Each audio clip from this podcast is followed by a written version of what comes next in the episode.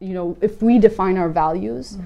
what is of benefit to our larger society? Mm. And I think being the for, at the forefront of social justice in a society that really is is neoliberal to bring it back to that point where it's all about the personal responsibility to gain to gain success in life. If we say no, it's also about um, getting rid of injustice mm. in society. I think that that is a value that we uphold in our in our religion yeah. that is of benefit to the broader society. Assalamu alaikum og velkommen til podcasten på kanten af enighed. For English listeners, fast forward to around minute 3. I afsnit 15 af podcasten har vi ægteparet Tariq Yunus og Amani Hassani med i æderen. Tariq er Ph.D. i psykologi, og Amani er Ph.D. i antropologi og sociologi. Dette afsnit foregår på engelsk. Vores samtale med Tariq og Amani handler om samspillet mellem det personlige ansvar og strukturel diskrimination.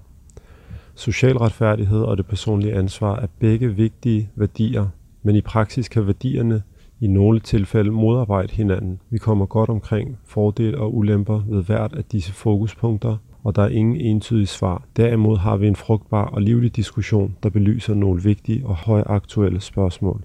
Vi kommer blandt andet ind på politik, magtforhold, racisme, psykiatri, antiradikalisering, familieforhold, og så dem diskurser og meget mere. God fornøjelse.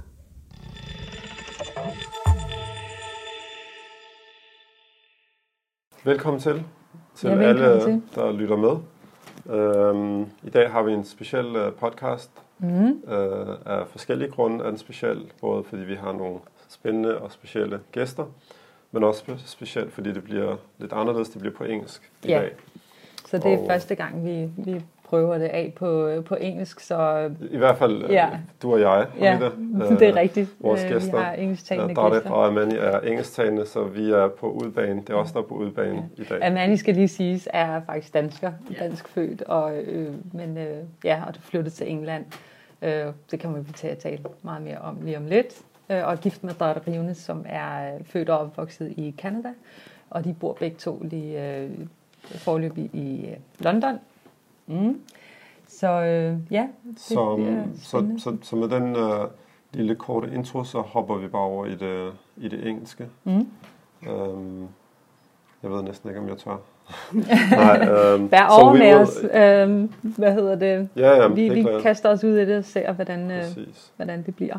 Mm. So we'll uh, change over. Yeah. And uh, like I said, I would like to start with the disclaimer yeah. about our English, mm. uh, especially if this podcast goes uh, across the border, uh, you know, uh, the Danish border. Yeah. Then uh, people should know that we are not we are not um, used to used to speak, speaking mm. English. Yeah. And and uh, we can. Uh, this is not America, so we cannot be sued for our uh, English language capabilities. Mm. But yes. But um, well, we'll take it as it comes and, yes, and see yes. how far we can can go and us. how deep we can go. This is like our motto is going deep in conversation. So exactly. we, we see how how we can manage. Exactly. Mm? It's gonna it's gonna work out fine. Sure. Yeah. So welcome to our guests, Amani and Tariq. Thank yes. you. Yeah. Thank you for having us. Thank you for, for coming over and uh, taking time. Yes. Uh, your vacation, I, th- I believe, this yeah. has just been Eid. Yes. Um, so, um, so yes. Uh, where do we start from here? Actually, mm. we would, uh, if uh, one of you would would start by just shortly introducing yourself uh, a little bit so mm -hmm. we know who you are, the listeners get to know who you are, mm -hmm. and then just taking it from there because we have a lot to speak about. Uh, yeah. Inshallah. Hmm? Okay, inshallah. Um, should I start or? Okay. Yeah. Um, so I'll start just giving a little introduction of myself. Um, as you said, I, am Danish. Mm. I um, I finished my degree, my master's degree in Denmark, and then moved on to Canada, where I started a PhD in um, in anthropology, sociology, looking at how. So the main topic of my research is looking and comparing young Muslims in Montreal, where uh, I was doing my PhD, with young Muslims in Copenhagen. And I looked at different things. So straight off the bat, I didn't kind of put any strong theories into my research. I wanted to look at the urban lives of young Muslims living in, in um, politically, um, I don't know, it maybe uh, so a political scene that's moving towards a nationalistic tendency. And this is this is true for both uh, Denmark, but also Quebec, which is a province within Greater Canada. It's a French province, and it's important to mention that because this creates some of the similar dynamics that we see in Denmark. So I looked at how young Muslims coming of age in post 9/11 um, context, how do they navigate their cities, their countries, and this whole political rhetoric that otherizes them, that makes them feel as if they have to prove that they're part of of Denmark's or Quebec. Um, but the, the conflicts that that, that that arises within that in everyday life, you know, how do they walk through their city? How do they engage with people with um, Danes as well as non-Danes in Quebec, as with Quebecers, French, English, all of that. Um, but that's just a small introduction. We can Yeah. get into more of the details later. I'll Yeah. let And, Oh. and your sorry your your um, academic background so is uh, originally in anthropology. Yes. So Okay. uh, in Denmark, I did anthropology throughout my bachelor's and master's, and Yes. then um, became much more interdisciplinary. I think throughout my studies, I've always been leaning towards a lot of uh, sociology literature um, with a lot of anthropology methods. So doing ethnography, doing field studies, Okay. um, but but a lot of the sociology literature has spoken to me a lot, uh, which is why it made sense to do like this Mm. combination later on. Yeah. Okay, Yeah. very interesting. Um, yeah, I guess as for my background, Mm. I um, I like to weave three different strands into my backgrounds usually because I think it's important that I have a PhD in psychology, um, and my postdoctoral work at, in London looked at the impact of counterterrorism policies in healthcare. So one of the reasons why I live in London at the moment was because I just finished a project which looked at how mental health professionals are being asked to identify and report individuals they suspect may be vulnerable to becoming a terrorist sometime in the future. Yes. Uh, but as for my actual background, um, the three strands are sort of the clinical background. So I have a background in cultural mental health in specific. And uh, in that, for example, I used to be a cultural broker um, for mental health institutions. If someone were to come and complain about something that just doesn't make sense Mm. within a Eurocentric understanding of, Mm. of illness, I would come in and try to help develop um, a formulation or an understanding of what that person is going through. Um, my research background is on, in general on Western Muslims and Western Muslim young adults and how they develop their identities. Um, so, in fact, I did my, part of my PhD research is that I did research here in Copenhagen. Mm. Um, so, I was comparing Copenhagen, Berlin, and Montreal among young Muslims. Um, and as for the third strand, I have a background in community activism as well. Mm. Um, so I worked all my life with different and various community groups, Muslims and non- non-Muslim as well.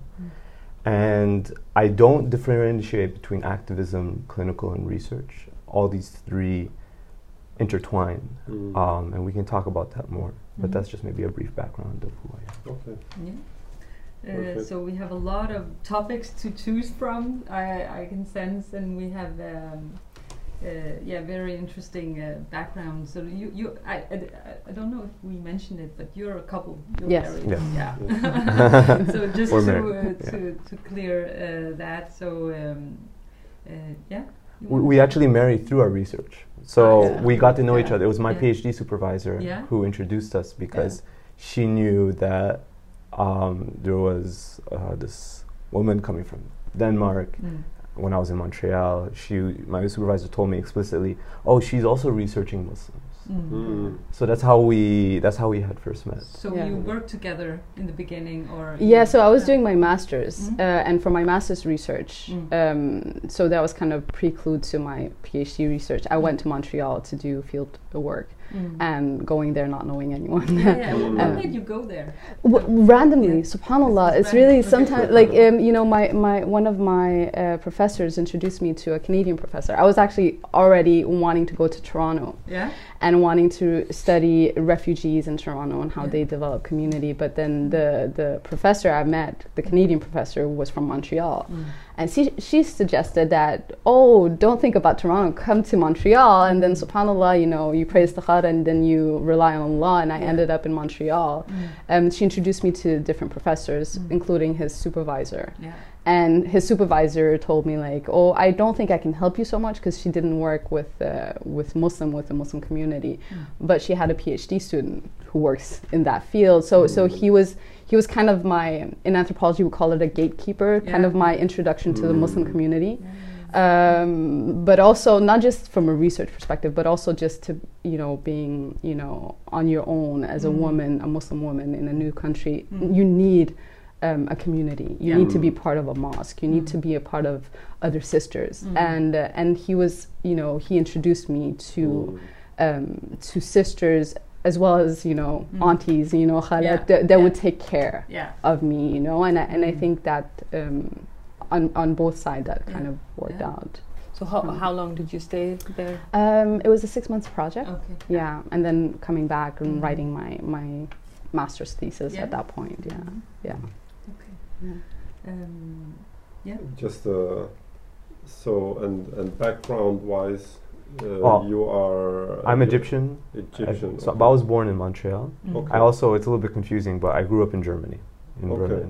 Okay. So Yeah. you you know French and you know German. I know French and Yeah, German. yeah, I'm I, out of out of necessity. Yeah. You know, I never considered myself good at languages, Mm. but you know, fate uh, decides otherwise. Yeah. Yeah. That we're forced to learn the languages. I'm trying to force up. him to learn Danish, but yeah, I can speak. Might so I, well. I understood your introduction, for example, Yes. Yeah. um, and I can I can converse very basic Danish. Mm. Mm. No, but we want to. you know, we're, if we're going to speak about power and structure, and, Yeah. society.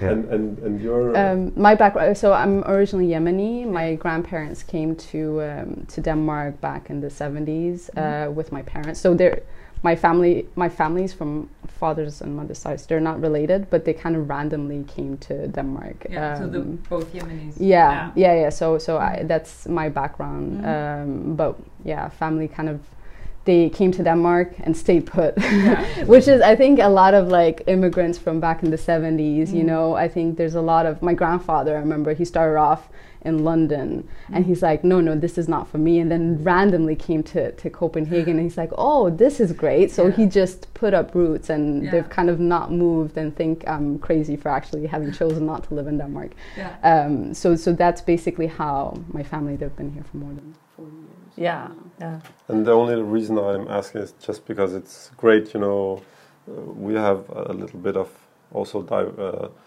Hamida is, Diversity, uh, yeah. is, uh, is Moroccan Mm. uh, Yeah, my, I- my parents also came in the 70s, early 70s, and Yeah. just stayed. Yeah. Uh, actually, they didn't intend on staying.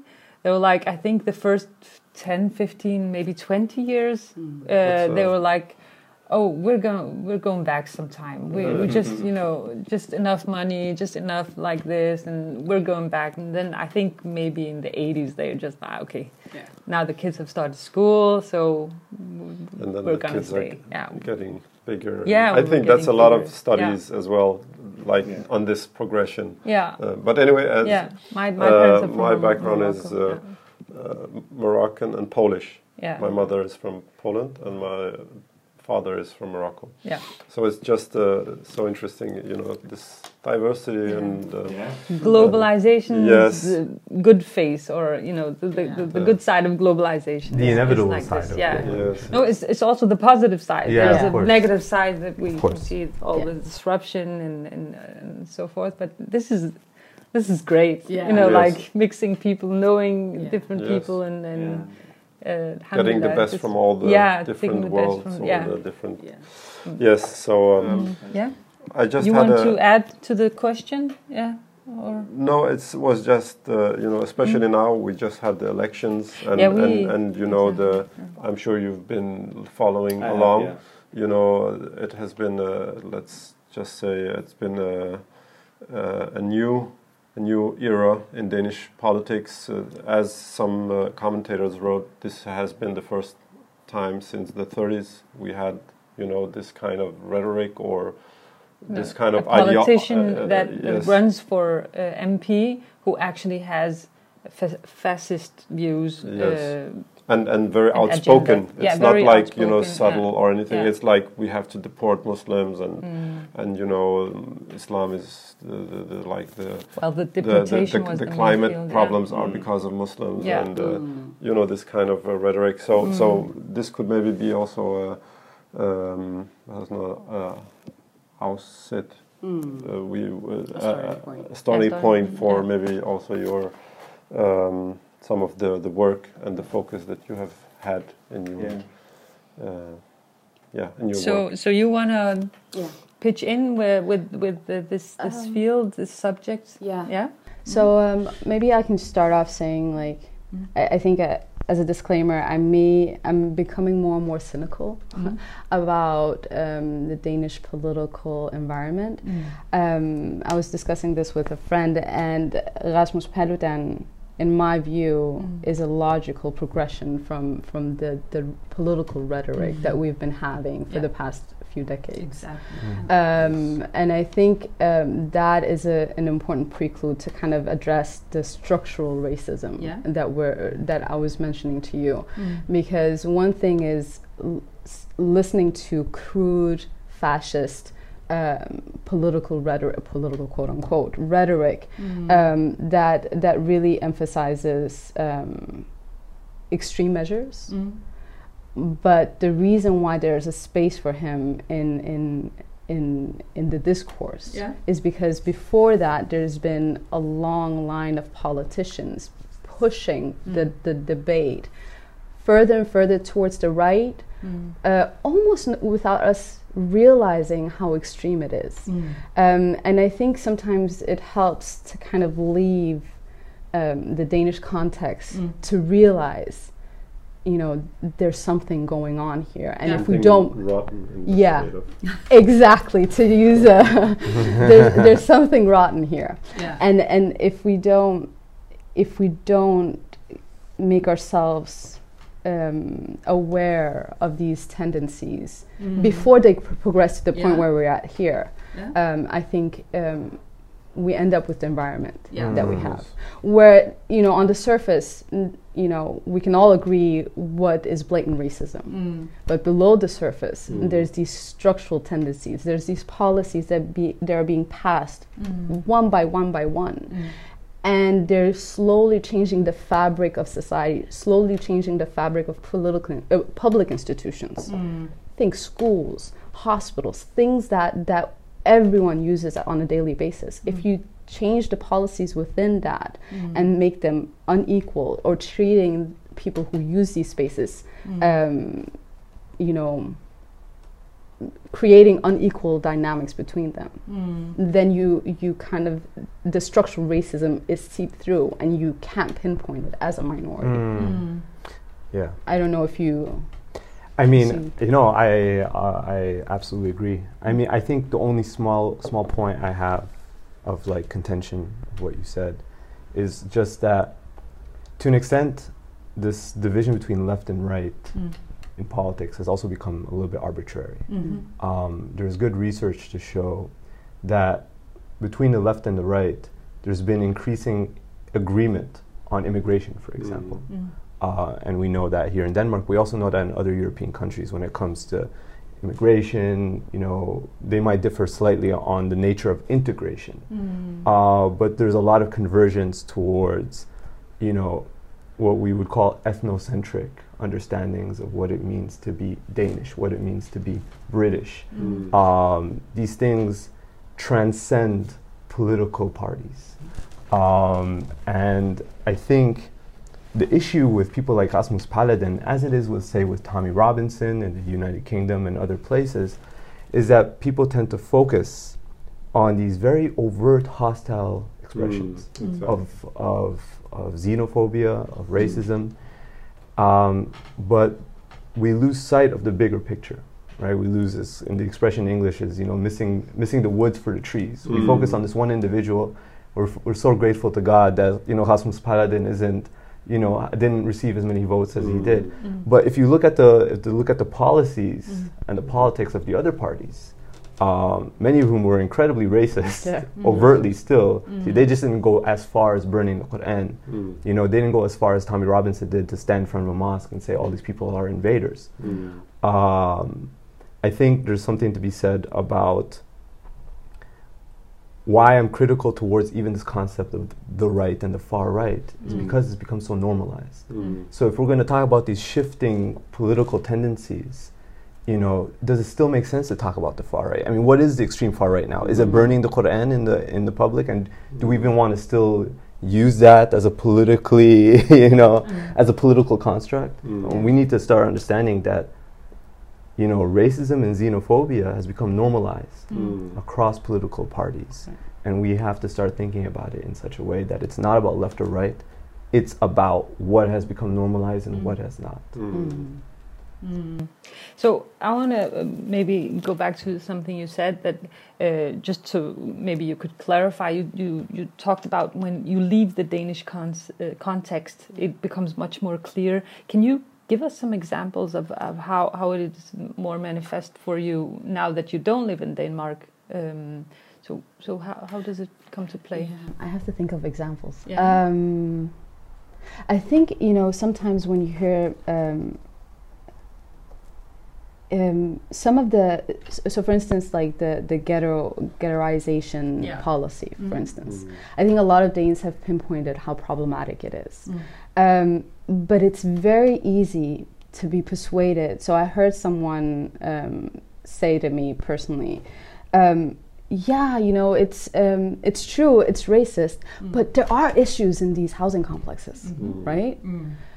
And you you feel as as an you know quote unquote outsider or having become an you know outsider to Denmark, Mm. you feel how the rhetoric has pushed the everyday conversation Mm. not about just pinpointing the problematic aspects on so many levels with Mm. the ghettoization uh, policy, Mm. but how everyday uh, Danes, including minorities, Mm. can easily be persuaded by the rhetoric. Mm. Yeah, they're taking it to an extreme, but there is a higher crime in these areas. Mm. Instead of questioning the fact that why do we have a rise of crime in certain housing complexes? Mm. Instead of questioning what are young men, what opportunities do young men in these housing complexes, usually it's the young men who are at fault, quote unquote, Mm. um, a- and being seen as the troubled inner city uh, uh, kids or aggressive. Mm. Why are they seen as that? And what opportunities does it limit in for their in their lives to I, I, I work a lot with the concept of social mobility, meaning how do you go from being uh, marginalized, Mm. um, not even working class, if you can't even get a job Mm. as a young brown man, Mm. uh, because you know maybe you did something when you were 15, or maybe you're f- having difficulties leaving this environment, or maybe you just have the wrong postal code Mm. or live in the wrong housing uh, project. What opportunities do you have Mm. to become a middle class? Mhm. How is the, the current policies that are being presented Mm. racist without acknowledging their racism, Mm. without saying it, you know, oh, it, it literally is a policy that targets minorities Mm. more more uh, extremely than non-minorities. Mm. Um, and what is it in these structures that are cr- limiting the opportunities for these young people Mm. Yeah. or for these families? Yeah. How how is a, a refugee woman or f- uh, mother or father Mm. able to speak to a structure or to a school or to an institution that is has already judged her before she even entered the Mm. space? Mm. Now it's easy for us because we have the language Mm. to, to, to speak for our kids' behalf, Mhm. but we're not being targeted. Mm-mm. Well, we're targeted as part of this community, quote unquote. But We we, can we can navigate resources. Yeah, exactly. yeah. We can navigate it. Yeah. And I think that's one take home from my PhD research because the, the young people I, I met in Denmark, most of them were, if not already university educated, on their way to becoming university educated. So they're an aspiring middle class Muslims. Mm. So they have different opportunities to navigate, Mm. different opportunities to resist. Mm. But who, what, what with the ones who don't? Mm. You know, how are we talking about them? How are how is the Danish scene making it more unequal? Yeah. do uh, do you have anything um, Um, to say about this? Um, this yeah, problem? I, think you, you um, dealt with it. It- That's why I'm looking at it because that's Yeah. that's more on your field. Yes. Because I have, you know, listening to you, I can recognize this problem. It's very big and it, it's very um, um, apparent. Uh, we we all kind of like grew up being a minor minorities ju- minorities um, just the fact that we had to translate for our parents when w- every time they had to go to the doctors or you know going to school and having them and then translating for them. And, and these awkward uh, kind of like scenes that we grew up with uh, facing a structure that isn't uh, aligned with the way we the, the, our needs let's say that but um, the way i see it is um, I think this is kind of a process that we're in the middle of because we we we are a minority and we we are, are adapting and of course we're in the middle of it now. Uh, that's why it feels so suffocating and so uh, you know like this giant Goliath that represses us. But um, I think across time, and I'm speaking like now 50 years or, or even more, these these uh, problems might I hope so and I'm I'm, I'm being optimistic but you know uh, the adjustment period is just longer because we we are fairly new in in, in the western um, um, context as Muslims. We look different we we practice different uh, we have uh, we our culture is uh, different than the mainstream so the, the adjustment period, I, I think, and this is I got from Hamza Yusuf. I think um, Sheikh Hamza Yusuf from uh, this this optimistic outlook and like his, he, I, I think I heard him speak about um, the experience of uh, Italians and Irish people back in the 30s and, and how they got to be integrated and they were very much discriminated against by the American uh, structure. Um, so of course the times were completely different then than they are today uh, post World War II, where political cor- correctness is, correctness is much more prevalent. Um, so uh, racism in this is much more hi- hidden uh, than it was back then. So yeah. Um, well, it's just because I think, uh, I, as much as I agree with you, um, uh, I go back to, to to personal responsibility. I think because I'm Muslim first and foremost, because we believe in, in personal responsibility and and and the, the fact that we have this principle uh, in the Quran, لا يغير الله ما بقوم حتى يغيروا ما بأنفسهم. I probably butchered that ayah, but I think you you get the gist that we have to. uh, reform ourselves bef- before uh, something different happens with us. So I, I tend to like want to look at what what can I do, and I think uh, when looking at the the problems from a structural perspective, you tend to get paralyzed because you have this uh, great system that you have uh, that you can't actually do anything about.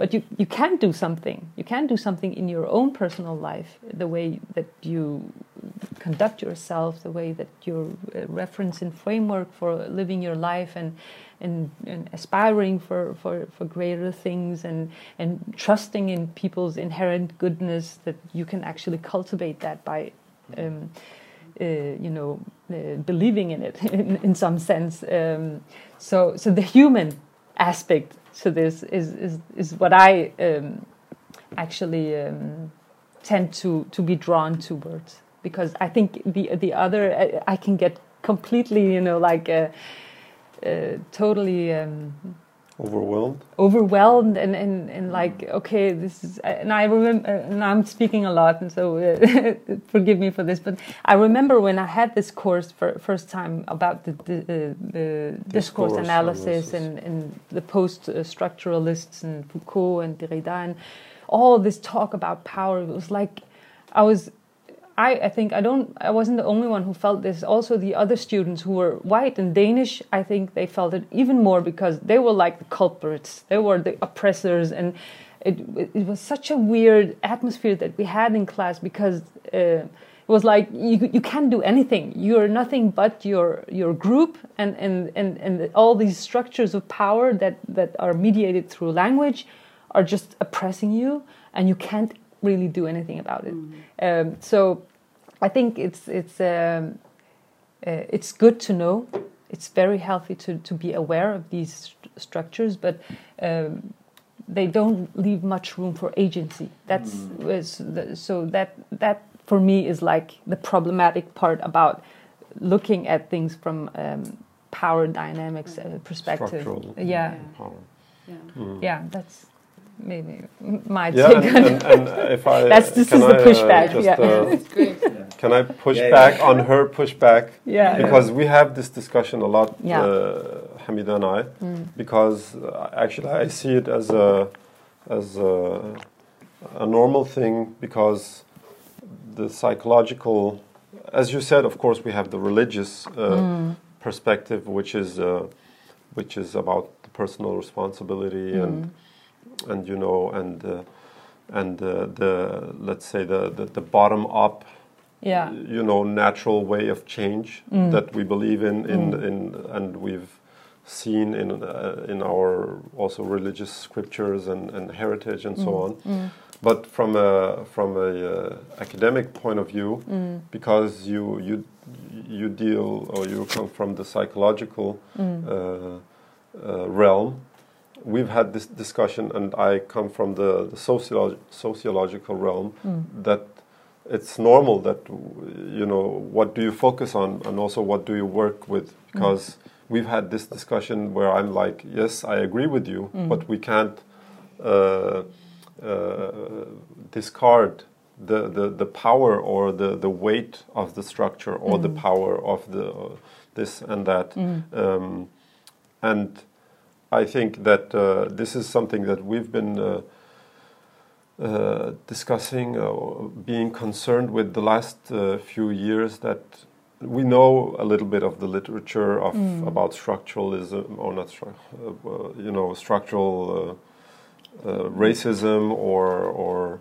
or uh, discourses and uh, othering and all of this. Uh, but uh, what has been interesting for us in our discussion has been wha- what about the balance? Because if we should be a little bit uh, uh, generalizing, the, the, the, the whole uh, academic world is quite uh, left oriented, pulling towards, you know, a lot of these, uh, a lot of these, uh, let's say, uh, ideas or, or, or, or Perspectives. perspectives, uh, and and they are very important and they are also very real. Yeah. But but uh, what we have been seeing or focusing on is that if we pull too much from one side, mm. let's say the left side, mm. and the right side is also pulling, mm. then it's like the there is no middle, uh, and the middle is supposedly where we should meet. And and like challenge each, each other and this is not about us uh, because it's not like right and left here but i just in general that that this is what i think we feel is a tendency in general that th- there is too much pulling each side which doesn't leave any room for the the the, meeting place. the meeting and yeah. the, the, the grounds for the, the, the difficult and the critical uh, conversation, discussions, and so on. Um, and uh, and this is uh, this has also been well, at least I know in sociology that a lot of the literature uh, is being or, or the um, theoretical uh, uh, yeah literature is being sometimes uh, criticized because it's too idealistical. Uh, it's not practical. It's like okay, you want to, uh, equality in the world and everyone wants to be happy, but uh, what do you mean? How does it work? You know, uh, how can we practically do something to change this? Um, And this is, uh, for me, uh, at least, I think this is one point that is very interesting in the discussion when it comes to the the minorities and Islam in the West, because I think we need to uh, focus. How can we find this balance? Because it's an ongoing balance. We need to make sure that the the structural racism and the and the discourses and everything isn't just uh, uh, uh, it's uh, uh, yeah uh, like just well that's just how the you know the the, the game is. Uh, we have to to take it into account and to, to like to to to make it a, a part of the, the the equation but also uh, making sure that it doesn't hinder the you know the discussion like we see on the on the other uh, side of the spectrum that the uh, now we were speaking about uh, Paludan uh, you know that there is there is no you feel like when you see people who are so um, extreme there is no way of uh, even com- conversation to to to exist or discussion or any, because it's like I'm just saying what I need to say, and this is of course an extreme example. Um, but you know, to, to really to to have a focus on this balance, to to make sure that we can uh, that uh, we can. Uh, uh, have the, the, the critical conversation uh, as a society, but also in the, of course, in the Muslim uh, ranks. If we Yeah. use those uh, ranks. Maybe some people say, "Why are you talking about ranks?" It's uh, so. Yes, sorry, that was also a, a long pushback on Hamida's pushback. Um, so this is a really good conversation. Yeah, this is this is where yeah, it's we entered really into good. a, Yeah. the good conversation. Yeah. Um, so there's a lot to be said. I think um, there's a lot I agree with. There's a lot that I disagree with. Um, I find it's always fascinating when we have these conversations because often we don't really even define the terms Mm. of what we're talking about. And this is very. And this is really important Mm. because we, if we don't recognize, if we don't recognize the same problem, Mm-hmm. it could be recognizing the same problem from different directions. Mm. Yeah. Um, it could be we're actually using the same term to talk about two different things. Yeah. Um, and so I think it's always important for me, like also when I teach, when I give presentations, I always start off with, you know, what is Islamophobia? Because I think Mm. especially Islamophobia Mm.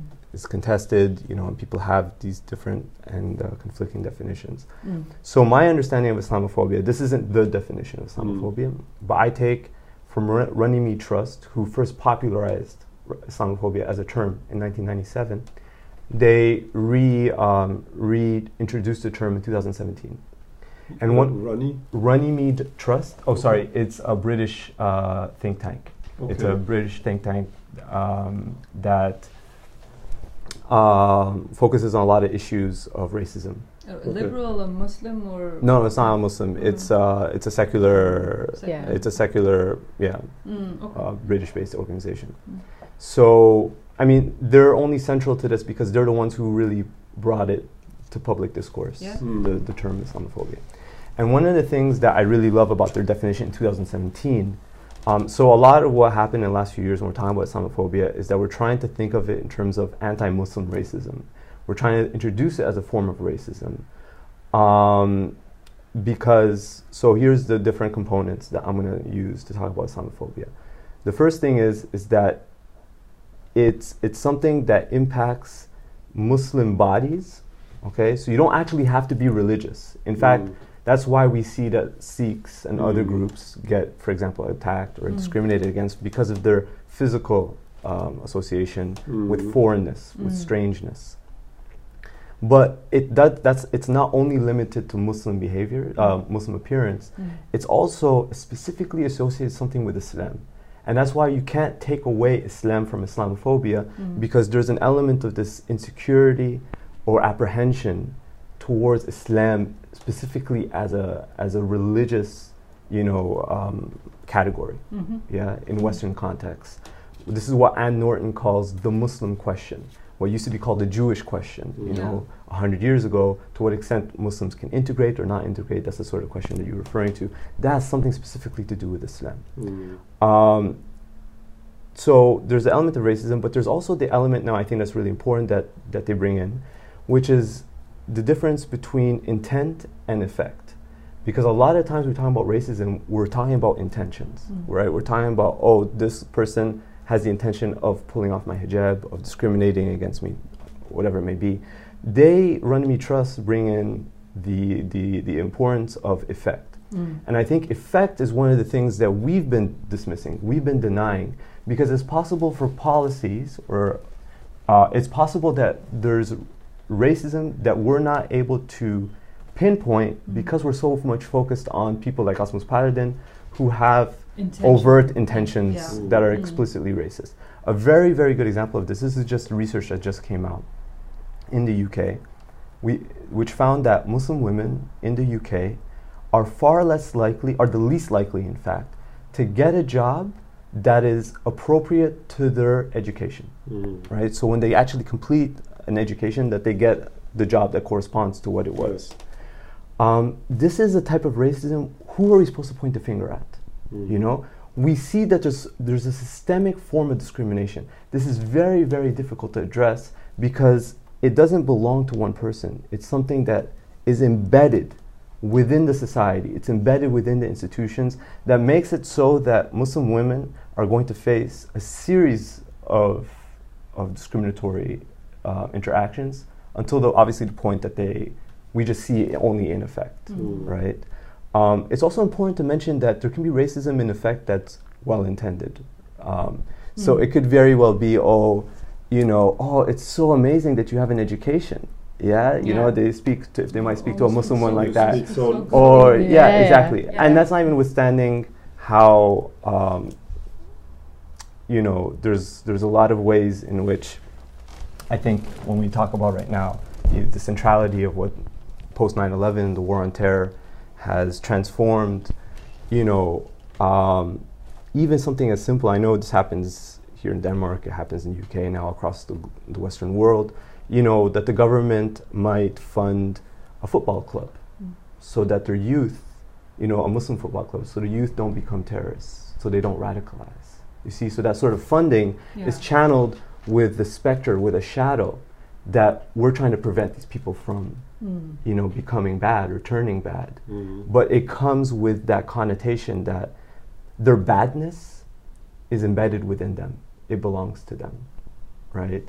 Uh, rather than it may perhaps belonging somewhere else and whereby they turn bad because of other reasons. You see, um, so I think there's an element of that intent and effect that needs to be mentioned. I also want to mention one of the central elements of Islamophobia that some people have spoken about that I think we often forget, but we notice with Omar, Sulaim, Omar Suleiman, Ilhan Omar, and others, and this is really really important. Um, is the fact that one of the effects of Islamophobia is to deny Muslims the political agency to come and to become political on their own terms. Okay, this is a little bit difficult to understand, but we can see it specifically with Ilhan Omar, for example, who comes out, for example, who's critical of Israeli policies, or you know, Omar mm-hmm. Suleiman was as well. So Muslims who might come out with their, on their own terms, of let's say having their own voice, that's not specifically aligned to a group. You know, let's say like Sajid Javid is the perfect example. You know, Sajid Javid is sort of the brown face Are these American figures? No, Sajid. Oh, oh, sorry. I should Yeah. explain Omar Suleiman and Ilhan Omar. So Omar Suleiman is a is a famous Muslim preacher. Yeah, Um, I think a lot of, in Denmark know Omar Suleiman, but Ilhan, Ilhan Omar is uh, she's one of the, she's the first Muslim Somali well, first Muslim first Somali well she's not the first Muslim but she's the first Somali First hijabi Somali, yeah. uh, woman to enter Congress. Congress. She just Mm. entered Congress in the United States Mm. and she's faced a ridiculous amount of backlash just for existing Yeah. right Mm. but then she also had the audacity to speak her own mind, Yeah. you know, to say her own, just ha- to have her own voice. Yeah. And there's been a specific, even Trump, you know, said something about her, you know. Um, so, that, so it's that point to which there's something about Islamophobia whereby when Muslims come out on their own terms, rather than to just reiterate party politics, Mm. I'm part of, I don't know, let's say, uh, Radikal Venstre or whatever it may be, that I'm just going to repeat what they believe. Mm. But rather, I have my own opinion. I, I have my own contribution, as I should as a democratic citizen, Mm. that, you know, within my democratic rights, I Mm. can bring in my own opinion. Mm. But we see that specifically Islamophobia as a process has diminished that. And I think there's something to be said about that. So there's the racism, Mm. there's the effect, and there's the, the consequence, which is Mm. denial of political agency. Um, so that brings us, I think, to that point about structure. And I think this is where there's a lot of, obviously, there's a lot of difference of opinion. Mm. Um, and I think here, you, I think I don't think it's going to ever be as black and white Mm. as, you know, is the structure versus the individual, Mm. right? But one thing that we see in the post 9/11 era, especially in how things have transformed, not only because of 9/11, but because also the the evolution of the economic and political landscape is neoliberal governance. Okay, so neoliberal governance is a govern is a form of governance which pushes individuals, which is increases privatization, Mm. right? It's increased a world of, you know, like certain people just own everything. We see that very much so. Um, and as a political outlook towards the population, especially in the UK, it's the most pronounced in the UK, I think. Um, it it's developed a framework whereby you're responsible for yourselves, Mm. right? We're going to cut cut back on social structures. We're going to cut back on mental health services. We're going to Mm. cut back on parks and you know you know all these different social services that you, the government used to provide with our taxes. Mm. We're going to cut all that back through politics of austerity. But through that, we're also going to make you responsible for yourselves. Mm. You know, so now mental health, me- mental mental illness or mental Ill- issues, or just call it well-being, is no longer something that can be you know looked at in terms of oh you know people are just generally overworked. People Mm. are increasingly overworked in a very hyper-competitive society, but rather oh you got to take care of yourself. Mm. You know, you got to be good for yourself because in general we just don't have the funding to to look at Mm. you know any other services Yeah. you know there's this increasing responsibilization of the individual muslims enter this in particular in the post 9-11 era Mm. now you brought up sheikh hamza yusuf whom i love whom we all love i mean Mm. he is our sheikh Mm. mashallah um, but you know i think to put it as mildly as possible sheikh hamza has also been heavily criticized for the extent to which the statements he's been making might reflect, you know, that that philosophy that Muslims have to are responsible for themselves. To give an example, you know, we know that black families, you know, in the 60s and 70s, you know, the the reason why or the reasons that were given why black fam, um, you know, black individuals were more likely to be criminalized, etc Mm. was because of the, the, the deterioration of the, the family structure. So they used to blame it on black families. Um, and they would say that black families need to take responsibility for themselves, Mm. right? Um, I'm bringing up that example because that's a specific example also that Sh- uh, Sheikh Hamza also had reiterated at one point. Mm. And a lot of people, we know very well that, well, wait a second, the reason why black families, you know, are going through all these issues is because of all the, the social and political and economical, you know, problems that they're embedded in, Mm. that they're so disadvantaged. And so you can't, we can't take one or without the other, right? We can't just go look at the black family and be like, look, you guys just got to get yourselves in order Mm. right? Mm. At the same time, that doesn't that doesn't mean that individuals aren't responsible for themselves. I think, especially from an Islamic perspective. Mm. But it, it begs the question: How do we mobilize now on these social and political and economical issues. Um, and I, I have a distinct point here to be made about this idea that, oh, things might change in time. Mm. Okay. Yeah. I think, actually, in fact, in my opinion, things are changing for the worse. Mm. And I believe it's only going to change for much worse for our children. As long as we're not recognizing how, how to mobilize together on these social and political issues. When we talk about it, that Muslims need to integrate, we bring back the focus back towards us, right? Which, is, which reflects the political discourse. It's about Muslims.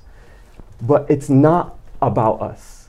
We belong within a social and political society that has its own issues that by itself needs to focus, you know, that needs to, for example, demonize certain people, you know, needs to focus on immigration as a political tool to, to, to gain political votes, etc. You see, some, a lot of the issues that we face as a Muslim community Mm.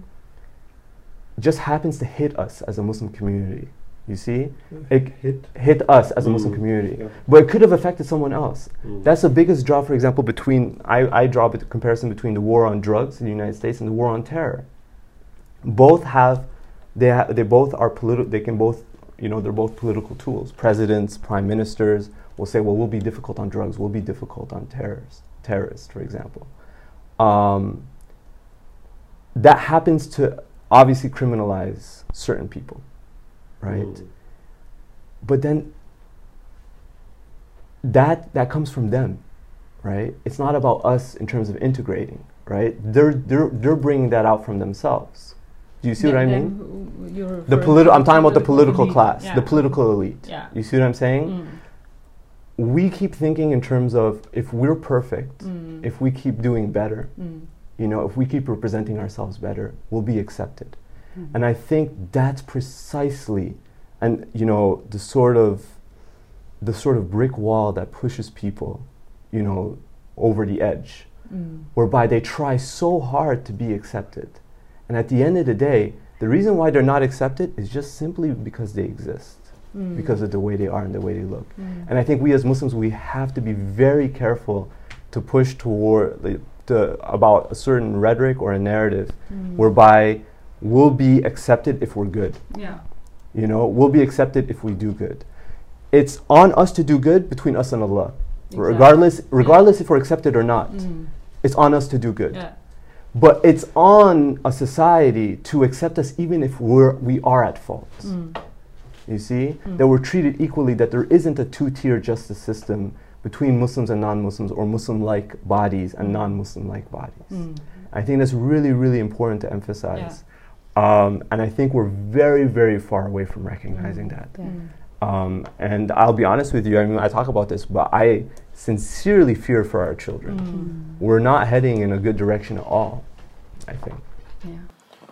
Uh, Would you like to to comment? that was, uh, yeah. mashallah, uh, a lot of uh, points, but can but I maybe just shortly because I think it's it sounds like I was like uh, um, it could sound like I wasn't agreeing on the points that you were making. That uh, I, hope it can make it clear that these problems are real and they are um, scary and and and uh, uh, really urgent. We we have to deal with them, but um, I think my contention with with this is.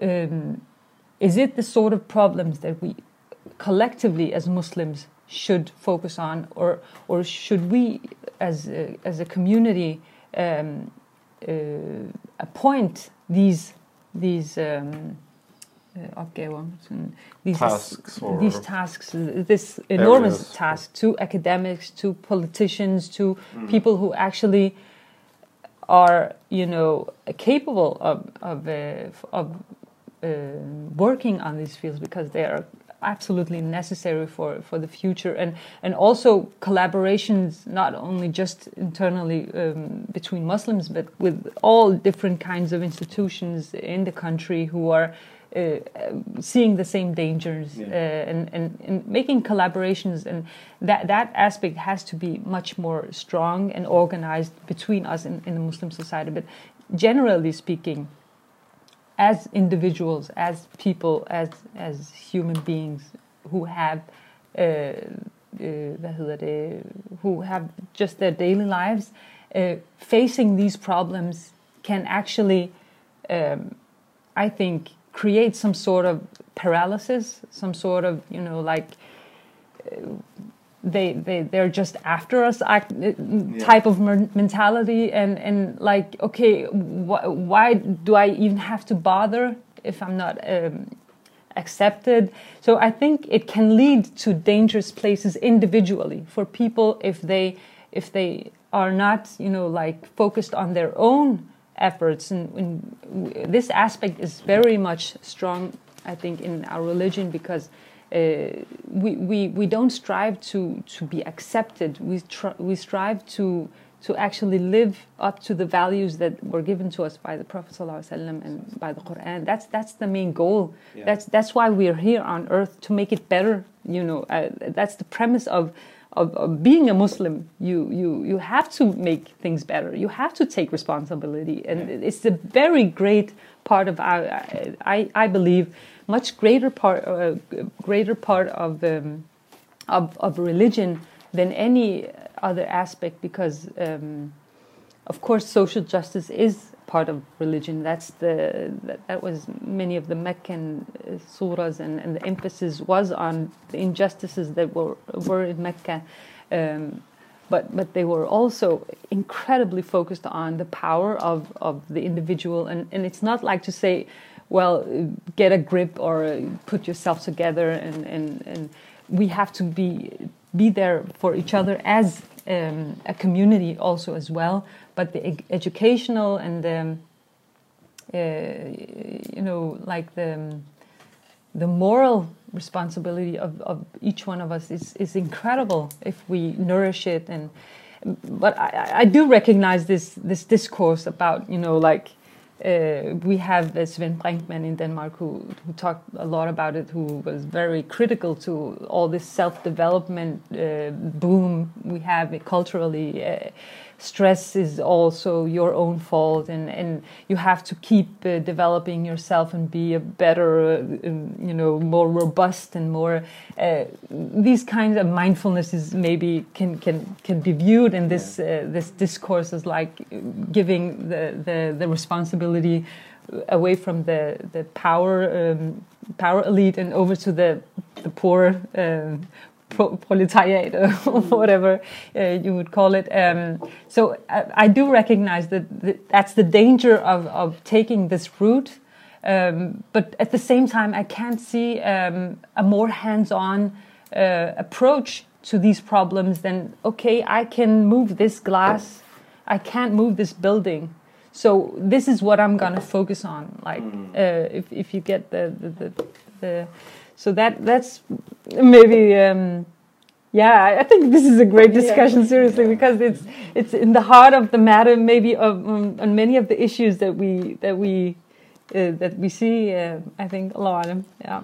Yes, Yeah. yes, uh, I agree uh, totally because I think this is a good example about some of the more complex uh, and challenging discuss discussions that uh, that we really need to, to focus on because because it's uh, I feel especially when let's say we live in this uh, this uh, world which is very uh, moving in a high pace. Uh, I always like the, the metaphors about the sea and the ships and so on. And we need to have people making sure that there's, you know, everything is being taken into cons- consideration, uh, whether being the, the, the structural, the, you know, the weather conditions, but also the, the inside the ship, let's say. And, and I, I, I uh, again, I feel this is a very, uh, for me and you, this has been over for many years now because I feel always this tendency uh, in you uh, pulling towards the, the individual, the, the moral, uh, you know, the aspects. yeah And I'm pulling more to the to the structural aspects uh, as well, uh, uh, or as well, uh, because because it's like yeah, I agree with you that the individual has the, the, the responsibility and we have the agency and, and we might even lose the, the sight of our own agency when we focus too much on the structure and li- like yeah but we can't do anything because whatever and all this. But it is for me a very interesting uh, uh, important discussion because we need to to to keep uh, adjusting uh, because especially when times are you know uh, I love this uh, analogy from the psychology you know that the that the, the, the, the more pressure there is the shorter time frame we work with. And especially when we see now that there is so much um, Tension. tension in society and especially about minorities and, and, and Muslims and so on. We sometimes I feel like we we uh, we are talking about two big things uh, or two complex things in a in a too uh, too in a, a, a very superficial way, and it's uh, sometimes very hazardous because it's like no no this is the where I feel like no we, we really need to like dissect this and go into the you know uh, Sheikh uh, Abu Laban rahimahullah he, he he used to make this uh, this analogy of uh, brain surgery. Of like you don't just open the brain of someone and start fooling around. It's like very uh, have to be precise and precise yeah. and like you said yourself about definitions because a lot of times people are just throwing words out and it's like well this is this thing and this is that and we have to change this and Yeah. people might not even be speaking about the same things That's right. um, but uh, about uh, your uh, some of the perspectives you are sharing, uh, Tariq, is I feel it's very uh, this balance between because I sometimes when we talk about the structural challenges, whether it be racism or inequality or uh, you know uh, also maybe just the, the, the, the political and economic ideology which is uh, dominant in society. Um, the discussion is very big, like you said. It's like you can't even blame, you can't point your finger at one point and say this is the problem because the problem is often a, a uh, the sum of a lot of different factors which are moving, and some of them are very big, you know. Um, uh, but but it's but it's at the same time also very um, uh, interesting to, to, to have this, uh, let's call it dynamic between moving from the structural, the big, uh, you know, discussions, political, economical, ideological, and then also going over to the, the more pragmatic, uh, you know, aspects. Because, like Hamida said, what does the individual do? You know, because we can look at the news or we can read different uh, literature or or um, uh, forskning, Yeah, research. yeah. uh, no, even the basic words are uh, escaping. But but again, how do we how do we uh, uh, what has not integrate? Uh, I, I don't like integrate the word, but integrate. You know, how do we uh, make sure that we in- internalize some of the problems or the challenges that we see in society or in the world uh, in general into our own, uh, you, you know, the, the, the, the old example from um, uh, Covey, you know, this uh, circle of influence and circle of, uh, of concern. Yeah. Uh, Yeah, you yeah. know, this uh, uh, uh, seven, uh, seven, what, seven habits, of, highly, efficient effective- I, I yeah. like this because it's it's very concrete, but Yeah. at the same time it it encompasses the, the you know the, the, the, the structure, but also the, the, the, the pragmatic and the individual. Yeah. And this balance, I feel uh, sometimes this is just my own. I I didn't uh, read any research on this, but I feel sometimes that uh, amongst uh, some people in the Muslim community that the too much focus is going on the, the circle of concern and and this focus is taken uh, or you can't you know uh, I don't know in the English, but this uh, blæse og have mel i munden. You can't, you know. Um, Uh, have your cake and eat it too. Exactly, this one. You can't have, you know, because the, the focus which is going to the, the, the big circle of concern, which is what is going on in, you know, uh, the world here and there, is focus which could be used on, for example, the, the family or the, the, the local community and so on. And, the, and the, the caricature of this would be like, you, you- and I don't want to offend anyone, but it's like the I, I- I've seen this, uh, uh, and I think we all can recognize in some shape or format that you have people who their own kids are, you know, they don't know what, where they are in their life journey, but they know everything about, you know, Al Jazeera. You know, this is maybe What's a little bit caricature, you know, what, what is happening here and there, and you know the, the politics and the, the Middle East or the you know maybe in Asia or India, Pakistan, whatever it might be, but but their own uh, possibility to make uh, a contribution, even in their own in their own family, is is uh, Taken say, away or not taken is Mm. just uh, is used, uh, and of course, I, I can't discard because uh, uh, this is like uh, inequality uh, is in sociology, uh, you know, one of the main, you know, from Marx, uh, Karl Marx and on, you know, has been one of the main like uh, focuses. How can we make sure that the the the the, the, the difference between the classes, if you want to be use class theory, Yeah. uh, or, or people in general, that it's not a hindrance for the social mobility and so on. So the things are interchanged or intertwined, single, twangle. but uh, but but again, it's I, I really feel that this is this is uh, this is uh, one of the, the the discussions that we really need to go deeper in Yeah. to, to try to understand it more and to to, to, to to have some some perspectives which are not superficial. Yeah, Mm. I agree. Sorry for the long. Uh, Yeah, no. Okay, so I've been listening very intently to all of you guys' um, comments, and um, I'm listening to Tariq, and I'm I'm um, applauding him, and I'm like, yeah, I totally agree because we know each other's research. Mm. But I hear it from your perspective Mm. that it's overwhelming. Mm. We just put a very heavy worldview on your shoulders. Mm. And I'm going to try to just maybe try to take a few minutes to just bring it back down to everyday life, yeah, yeah. Um, these very complex matters. Mm. Because w- what you were talking about, Hamida, between the, the personal responsibility versus the structures, Mm. How do we resist structures? It's Mm. overwhelming, it's all encompassing, it's everywhere. Mm. We're individuals. Mm.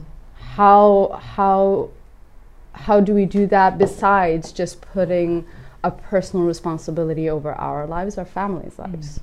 Um, I'm gonna maybe one thing I want to mention. Um, I tried to take some notes of what I wanted to mention. Mm. One thing that I, I appreciated as Tariq's example Mm. is bringing it back to uh, African American black families in the US. Mm.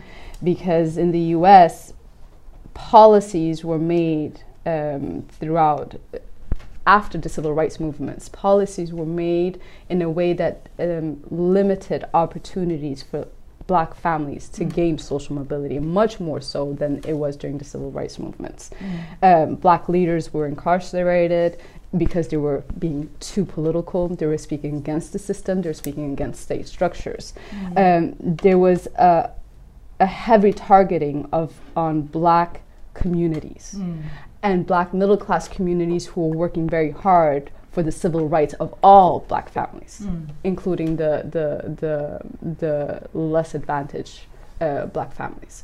Now they've managed. The U.S. has managed to implement these very colorblind racist structures in a way that enabled um, people to to pinpoint the the limitations it put on on black families and responsibilizes them.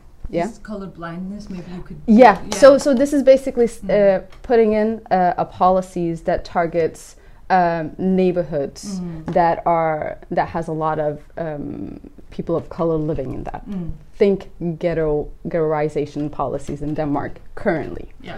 Think of the the whole bunch of uh, negative social control policies that are being implemented right now in Denmark. All these things do not speak of uh, color. Mm.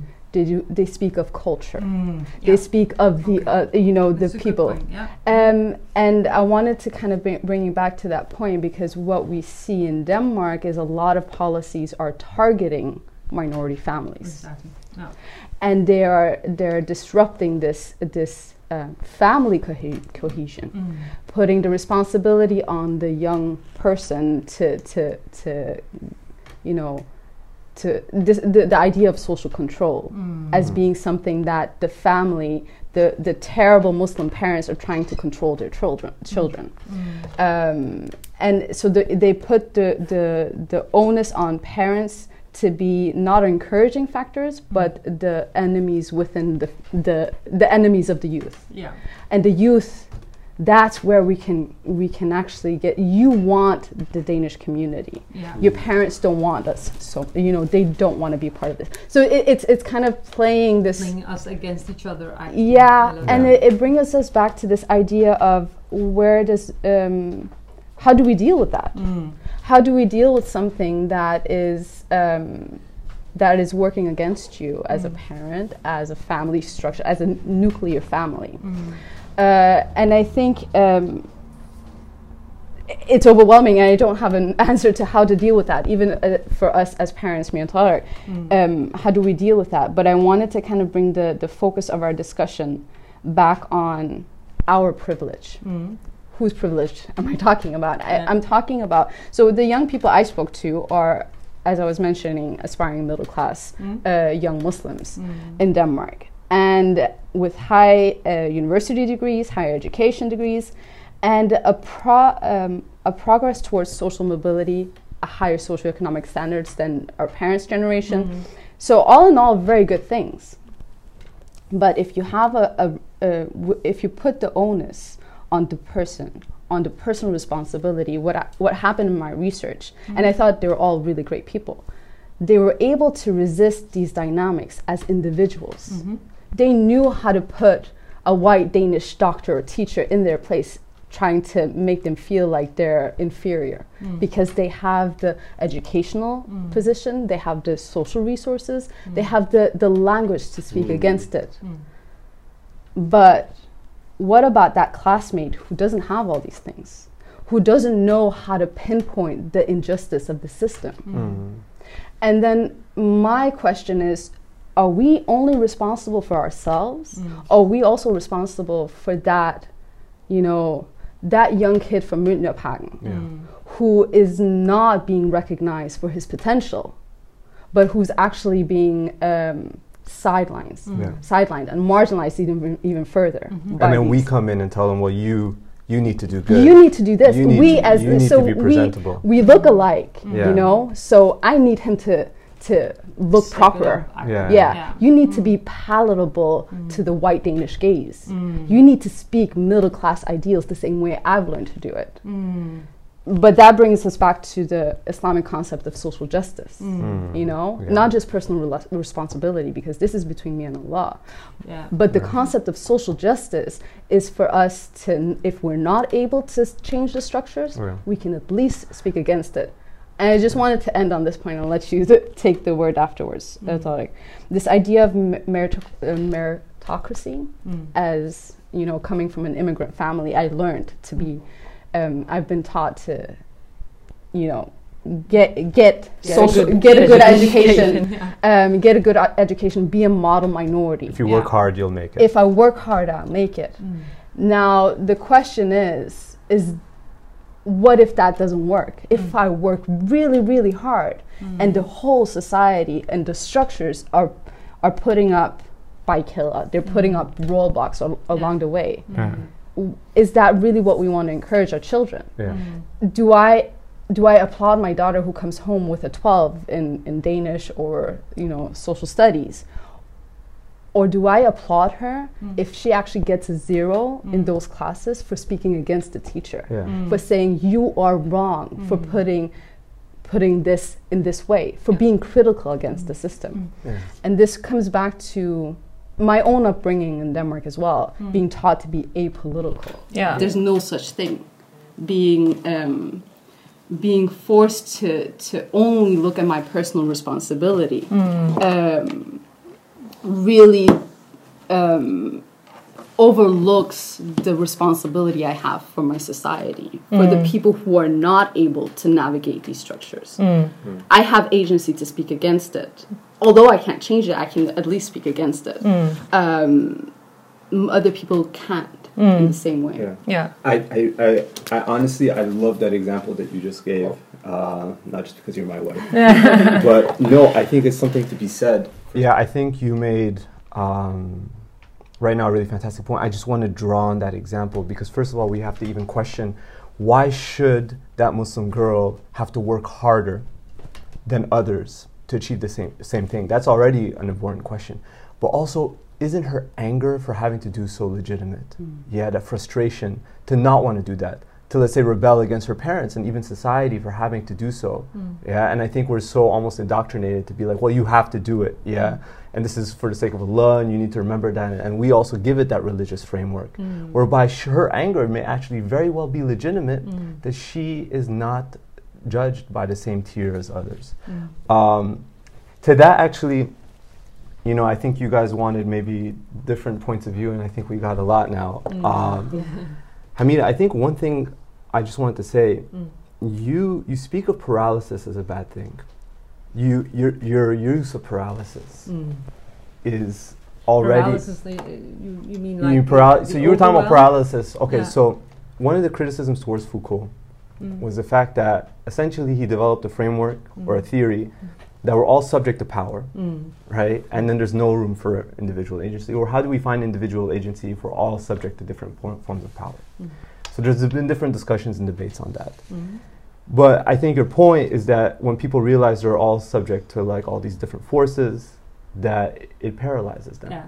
Mm.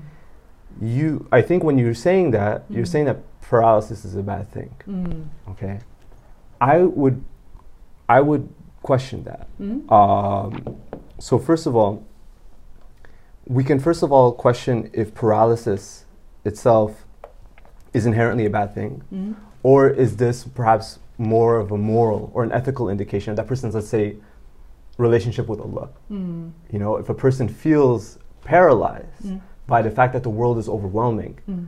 that much that may be much more of a spiritual question than it is actually okay how am i going to navigate society right Mhm. it might be much more of a question okay how do i return this paral- paralysis that i'm feeling Mm. back towards allah Mm. rather than oh i have to go out and do something and that's where i think the second point um, whereby i think a lot of people do feel that paralysis when they Mm. feel okay i have to do something but i might even go ahead and suggest that someone just going ahead and doing something Mm. can often be Doing something like let's say they have to go out and act for the sake of the muslim community they want to go and let's say okay i want to do something for the sake of the muslim community Mm. Mm. yeah i want to help the muslim community Yeah. Yeah.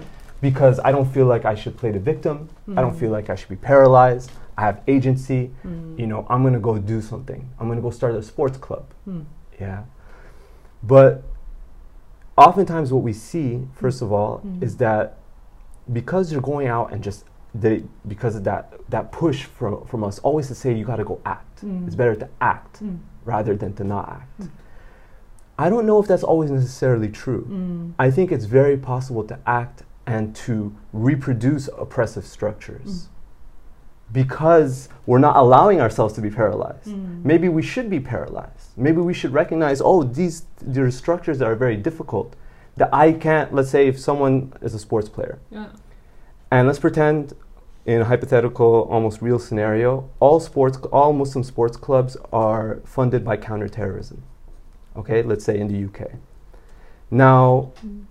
a person can go ahead and say well i don't have another choice i have to go ahead and do that right but maybe in their paralysis they can find inspiration to find ways of creating opportunities outside of the only options that are available for everyone at that point in Mm. time. Maybe we do have to recognize our paralysis Mm. that hey, things are getting more and more difficult, Mm. and that in our suffocation, we should remember Allah. Mm. We should remember that we're still obligated to do good, Yeah. right? And that in fact, that paralysis is much more a reflection of our spirituality than it is Mm. perhaps of the world, right? Because Allah will always open doors and windows. Yeah. Exactly. Right? Yeah. And it's us when we become paralyzed. That's our subjective interpretation of the world. Mm. Okay, so that's the that's the one point. Mm. Um, I also don't think, by the way, I should really want to emphasize this point. Mm. I don't think the tendency is for people to be paralyzed. Mm. I don't think that's the case at all. When you were saying that, I'm trying to think, who do I know that's paralyzed? And I couldn't think of anybody. Mm. I may know people who become suffocated, but they're still quite active in Mm. terms of political engagement, whatever they may. They, I mean, we know among anti, non-Muslim, anti-racist Mm. um, individuals who, you know, they've been staying at it for 34 years, even though it's getting much worse. I think the tendency is not paralysis in the Mm. Muslim community. I think we need to talk about the, how the tendency is disassociation. Yeah. The tendency is to actually fall back and be like. I don't, I don't care about exactly, these things yeah. anymore. Mm. That's actually that's the actual tendency. Yeah, you know, like I'm gonna go just uh, uh, Yeah. even even worse. I'm just gonna go work at that Yeah. at that organization. You know, I'm just gonna go do it. You know, I'm just gonna like I just want to focus on my you know therapy. You know, I just want to just go focus. I'm just gonna I want to live my life. Mm. That's the tendency. Mm. Um, you know, I think I prefer if people become paralyzed Mm. because then at least we can agree on our suffocation rather than our disassociation. That you know, you know, we're literally so overwhelmed with all these various ways of distracting ourselves Yeah. and just try to, you know, the power will always be. See, the power that that you're talking about that pushes people into paralysis is actually much more stronger to pa- push people towards conformity, Mm. to push people Yeah. to actually be and want to be like everybody else Exactly. Mm. to go live a normal life, to go on vacations. Why aren't why haven't why haven't you visited you know Sharm el Sheikh yet? You know things like that. Mm. That's the wh- that's what power that's what power is pushing. Mm. Paralysis would actually be exactly counter to what power wants. Mm. Power doesn't want you to be paralyzed. Mm. You know, power power wants you to go work and make that money for the community or society, and you know that that mod- that money Pay then trickles taxes. out. Yeah. You know, that's. And I think to that, I think we be, one of the reasons why we haven't allowed ourselves to be paralyzed and we keep repeating the same rituals and how to be engaged politically. Oh, we need to form a Muslim organization, etc. You know, we're always re-entering into the sort of same political dynamics. Um, without that paralysis, we're not allowing for other options and opportunities. I mean, maybe literature, you know, writing. Mm-hmm. You know, I think there's different ways of okay, how do we address power and how do we become engaged? Mm. we never allow ourselves to look outside of the type of structures that are, are already available to us because we don't allow ourselves to be paralyzed. I think that's, the, and for the final point, I think it's really important to mention we have a lot more support from non Muslim groups or other organizations than we actually think, who all recognize this as well. And uh, to be honest, I noticed that some of them even recognize it more among Muslims. you know, they, they would be like, well, you know, don't you feel suffocated by the war on terror? You know, don't you feel how bad this is? You know, this is really, really bad what's going on Yeah. you know and i think we have a lot more capacity to develop these alliances for you know i mean a quote unquote multicultural society than Mm. we think um, and i think especially the type of groups that allow muslims to come and engage them you know and create a create a space on our own terms Mm. that we come and we have our own say we're not just trying to reflect and reproduce the same politics of oh we're integrated you know Mm. the last thing we want to do as muslims right now is reproduce a mentality that oh there's bad muslims among us and there's good muslims Mm. right? And i'm the good muslim because i'm talking with you. And i'll help you find the bad muslims you know? I mean there's non-muslims who don't want us to engage them in that way Mm. right? Who recognize that the good and bad is in all of us. We Yeah. each have that capacity. Um, and so I think we need to we need to start reformulating, you know, what is perhaps the best way we need to engage. And I'll be I'll be really honest with you. I think paralysis is also a reflection of a disease in the community Mm. because if people are paralyzed. I love when someone comes to me and is paralyzed because there's so much potential. He hasn't started moving, or he or she haven't st- haven't started moving yet, well look that's the potential right there you know let's let's find a place let's find a way for you to move we that's a fault in our community as well that we don't know how to catch these people right like society right now is going to open a lot of doors. I've been given a lot of opportunities for example to work in counter radicalization I know i'm never going to do it right? But that's some of the biggest doors that's open for muslims right now Yeah. is like here can you help muslims integrate? Can you help muslims not become terrorists? Can you help develop all these things for these reasons you know? And i can feel suffocated because i don't feel any doors open. Well that's also that's my point. It's a sign of the community how can we develop other doors and windows for people to become engaged Yeah. and we're not doing that as a community because we ourselves as communities we're engaging in those processes as well we're only allowing for one door to be open Yeah. um, and so yeah i think And what door is that? You said only one door. It's, it's so the, door the, war, the door that's reproducing the, the, the, the rhetoric that exists. I, yeah, for example, would be um, integration, a, Mm. a door of integration, right? Mm. Can you come help us, you know, um, help Muslim families, you know, learn better Danish, you know, Mm. translate, you know, become a, tran- a Yeah. cultural broker, things like that, you know? Yeah. Your, your, we define your Muslimness Yes, yes. as you enter our door is a door in which we're not defining who we are, how we engage democratically. And there's a sociologist by the name of Tariq uh, Modood in the UK. He speaks about that. I mean, that's one of the issues as a whole. We're actually not equal citizens because we generally don't have our own capacity to engage and decide how we want to engage. And maybe we have a say on society that might be different, but it should be acceptable, right? But, And- but, but, but I can't, uh, you know, it's uh, uh, tickling inside of me because Yeah. um, when the, these, let's say, steps or processes that we as a part of society or we as a community, we have to engage in what is our role? How does it look? You know, what is our contribution? Because I'm sure if we had the time and the resources, it would be uh, not the same as it is i- if we say that there is one defined by society. Because in the ones defined by society are many. It's not like unilaterally like you should be like this. Of course. Uh, but and and that's I think that's uh, maybe for people listening, uh, they they feel well these these two couples they're really not agreeing and maybe you know at, least it's uh, according to the name you know on edge of agreement but but I feel really that this isn't uh, disagreement it's just actually trying to exchange you know um, No, no, yeah. and and Uh, let me just it- say, I don't, I, I, I don't, I didn't think it was really disagreement. I think it's just coming at the issue from different, these different perspectives. Exactly. Exactly. That's exactly. how I see it as well. Because And- I, I can't help but agree with with actually pretty much everything, but my focus is different. Yes, That's why what I'm saying is going to be different and, and, and maybe uh, come across as, as this as a disagreement, but it's not really a disagreement No. because I totally um, can see what you see, what you.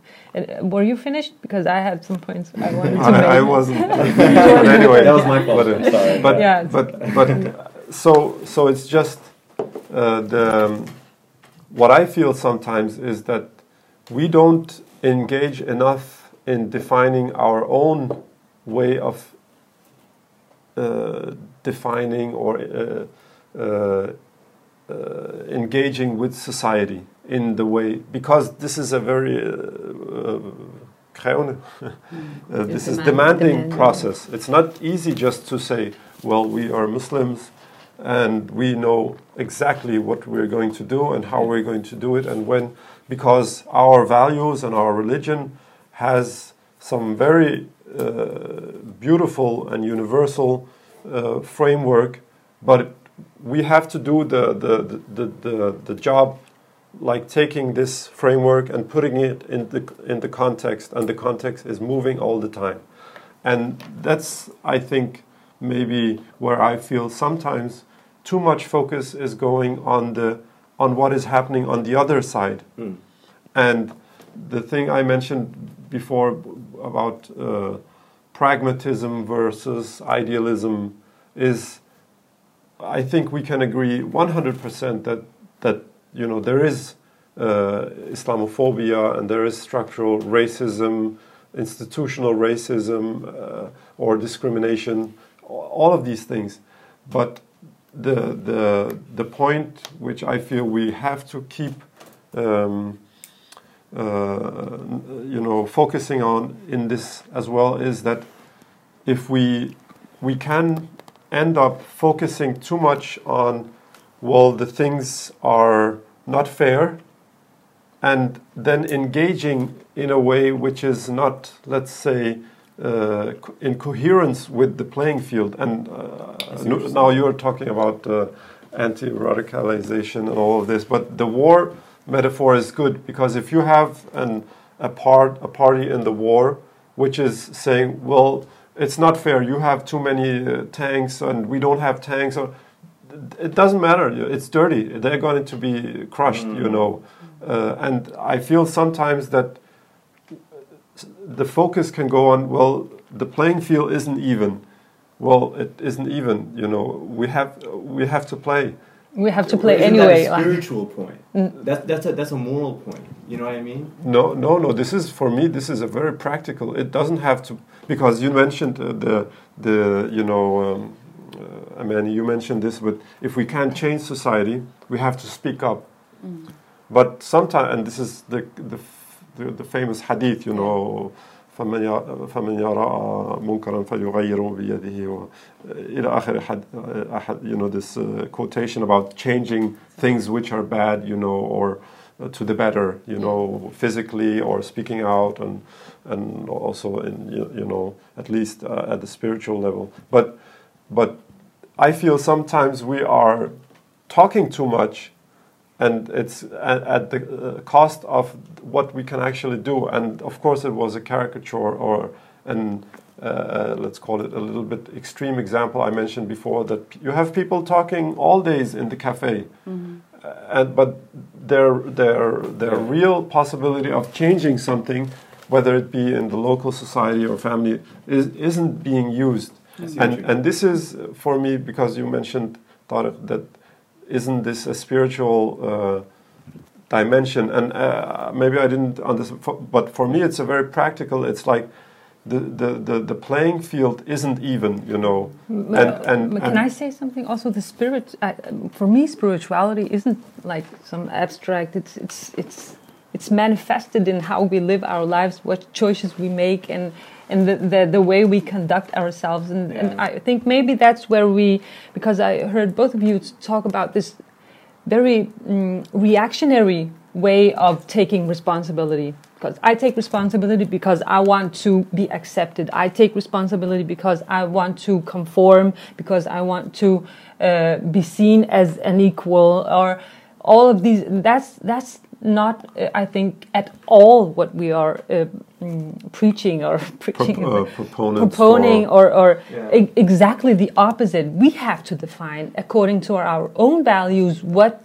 like you said, literature is a great example. Um, so, so that's uh, maybe how I use the, the paralysis because if that's the danger I see in focusing too much on structure, because it can lead to a sense of like like uh, overwhelm and and uh, and helplessness yeah. because the power is too great. But we know Allah's power is the greatest. Exactly. Um, so so that's the spiritual dimension that comes over it. Like it doesn't matter if the structure is, is oppressing. Really, it doesn't matter because I can only, uh, this is what Allah has provided me with with with these strength and these uh, the, these weaknesses yeah. seriously uh, also a very um, uh, apparent uh, weakness that we have as a minority in this in this country but the spiritual dimension is, is very much over this because I don't actually give a crap about what society wants from me or what doesn't want from me. My allegiance goes to my values, to Allah, to, to what I believe is good. So um, and and so I, I, think that's that's what we are trying to do with this podcast. Like, let's try focus some other place, like uh, on on on mm. our value values and and, and actually reactionary, yeah and and and trying to live our values instead of only talking about how great Islam is and how liberating and that's. Let's let's let's live it. Let's let's um, do it for the sake of Allah, not for the sake of like being accepted, because that's not in our control at all. Yeah. So um, the, the part of me that sa- that sees this as you know a process that we are in in a process that is long uh, in terms of Islam integrating into Europe and so on. That's that's the optimistic side of me that Yeah. sees it like this, like this, and inshallah, it it, it I am right for our kids' sake, and uh, we have to hope for it. We have to hope in uh, in, in for and work for it as well, but not because we want to conform. And and as you said, who can blame people who want to conform? Who can blame the woman who's angry? They, they are their feelings, and they and they have to be recognized. That's the part of the rahmah between us that we have to see and not judge each other. No, you just have to um, step it up, and and why are you not uh, living according to your values? We have to to to be compassionate with each other and support each other with uh, to to to lift up for the higher good, not for you know this arbitrary societal um, demands of us. We have to be like this or that. That's completely irrelevant in my opinion because the values are, are the most important and the spirit, the spiritual aspects of it, uh, of um, yeah. I don't know if I was misunderstood when I said uh, that it's not a spiritual matter for me, it's a practical.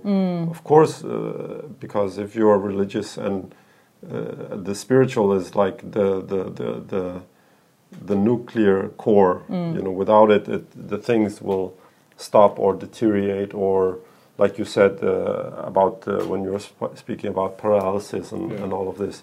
But, but I just, um, for me, th- it's about the, the, the balance between the focuses because it's both. We have to work on the structural level. We have to understand the game. We have to play the game, and all of this. But we have to sh- make sure that it's not uh, uh, too much. Also, focus on that at the dispense of uh, the, the the individual level.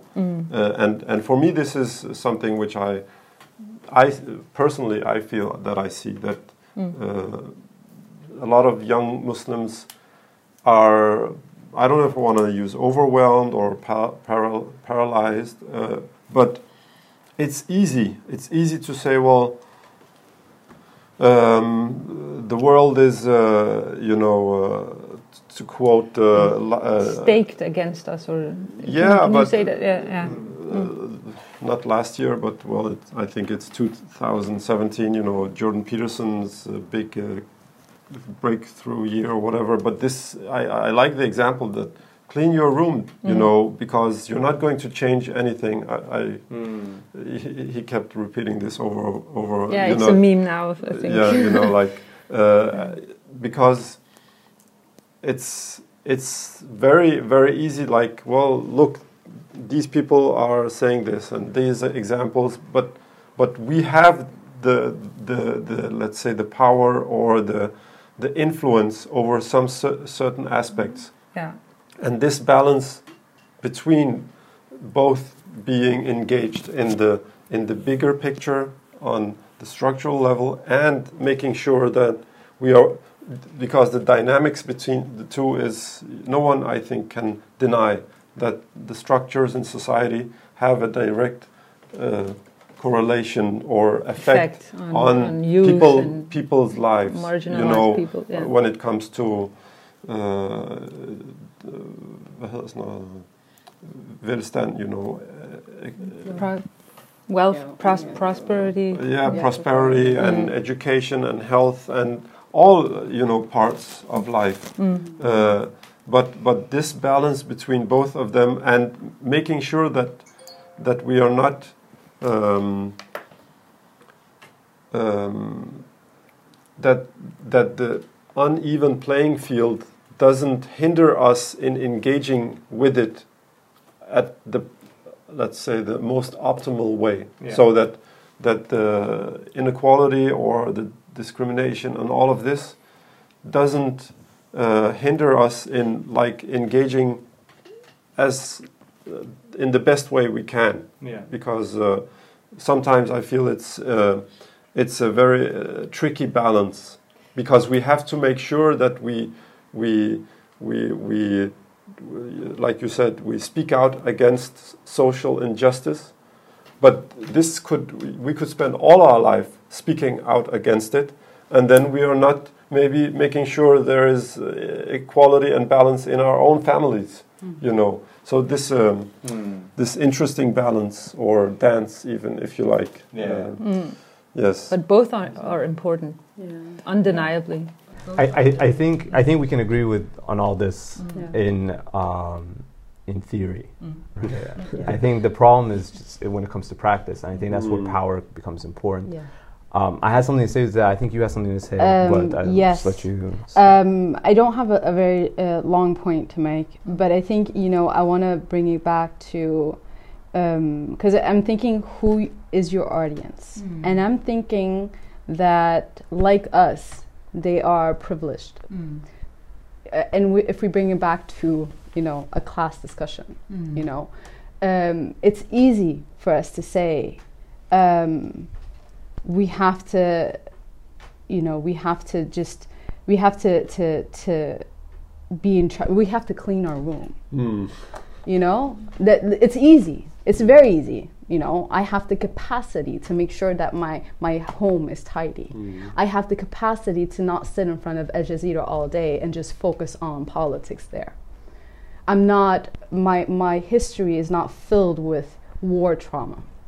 My history is not filled with immigration policy problems that as soon as um, you know Inger Støjberg has a good idea, you know, it changes a policy and all of a sudden I have to navigate a whole different field, a playing field. Mm.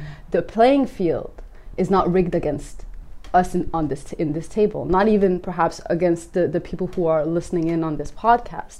It's not uneven well it is uneven for us but it's not unmanageable. Yeah. we can manage it. We Mm. can navigate it. If there's a, a building in front of it we go around it. Mm. but what if there's a blockade in front of us Mm. what are we doing? We can spend all day speaking against social injustice. And, you know, I think, you know, me and Tariq's career is going in that direction. And, you, you know, Mm. um, that is one way of approaching it. And another way of approaching it is saying that, okay, well, this is the reality of it. Now what? Mm. we can be responsible for ourselves. And honestly, like I see in my my my research, um, both here and in Canada, middle class ideals are very appealing. They're appealing to me and Tariq as, Yeah. as a as a family. You know, just just live a nice, comfortable life, having your paycheck after paycheck. You know, making sure our kids go to school and get a degree. And the middle class life is comfortable. It's privileged. We can appeal to the the Danish majority society with our living up to the middle class ideals that they uphold. You know, the welfare society that they want, you know, having good schools around and so on. But what then? yeah. And if if you know, you were saying how like this is uh, in the beginning. You were saying this that we're just in the beginning phases. Mm. I think that's a cop out. You know, just to push back a little bit more. Mm. You know, my grandparents came here. Mm. This was in the seventies, Mm. and I don't see it getting better. You know, I had opportunities that I see that the current generation not having Mm. and I and I think maybe where you know I agree with a lot of things you were saying, where I may want to push back a little bit is the that the social democratic welfare ideals that you know the guest workers helped create. You know, we weren't just immigrants. Mm. My grandparents and my parents helped build Danish society after World War II. You know, and I think that that Muslims and immigrants and descendants of immigrants from non-Western countries are not being attrib- you know, they're not given that credit. Mm. And I think saying that it's a long process, we're still, for not, not wanting to use that word, but using it anyways, we're, we haven't integrated enough, Mm. is a cop out of recognizing that the basis of Danish welfare Mm. really came after World War II. And after World War II, who helped build that welfare society?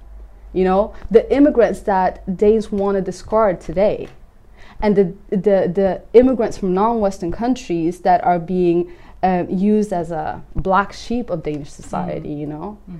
and, and their children's possibilities will not be the same as your children poss- your children's possibilities because your children are coming from a, an academic home. Mm. Our children are coming from an academic home.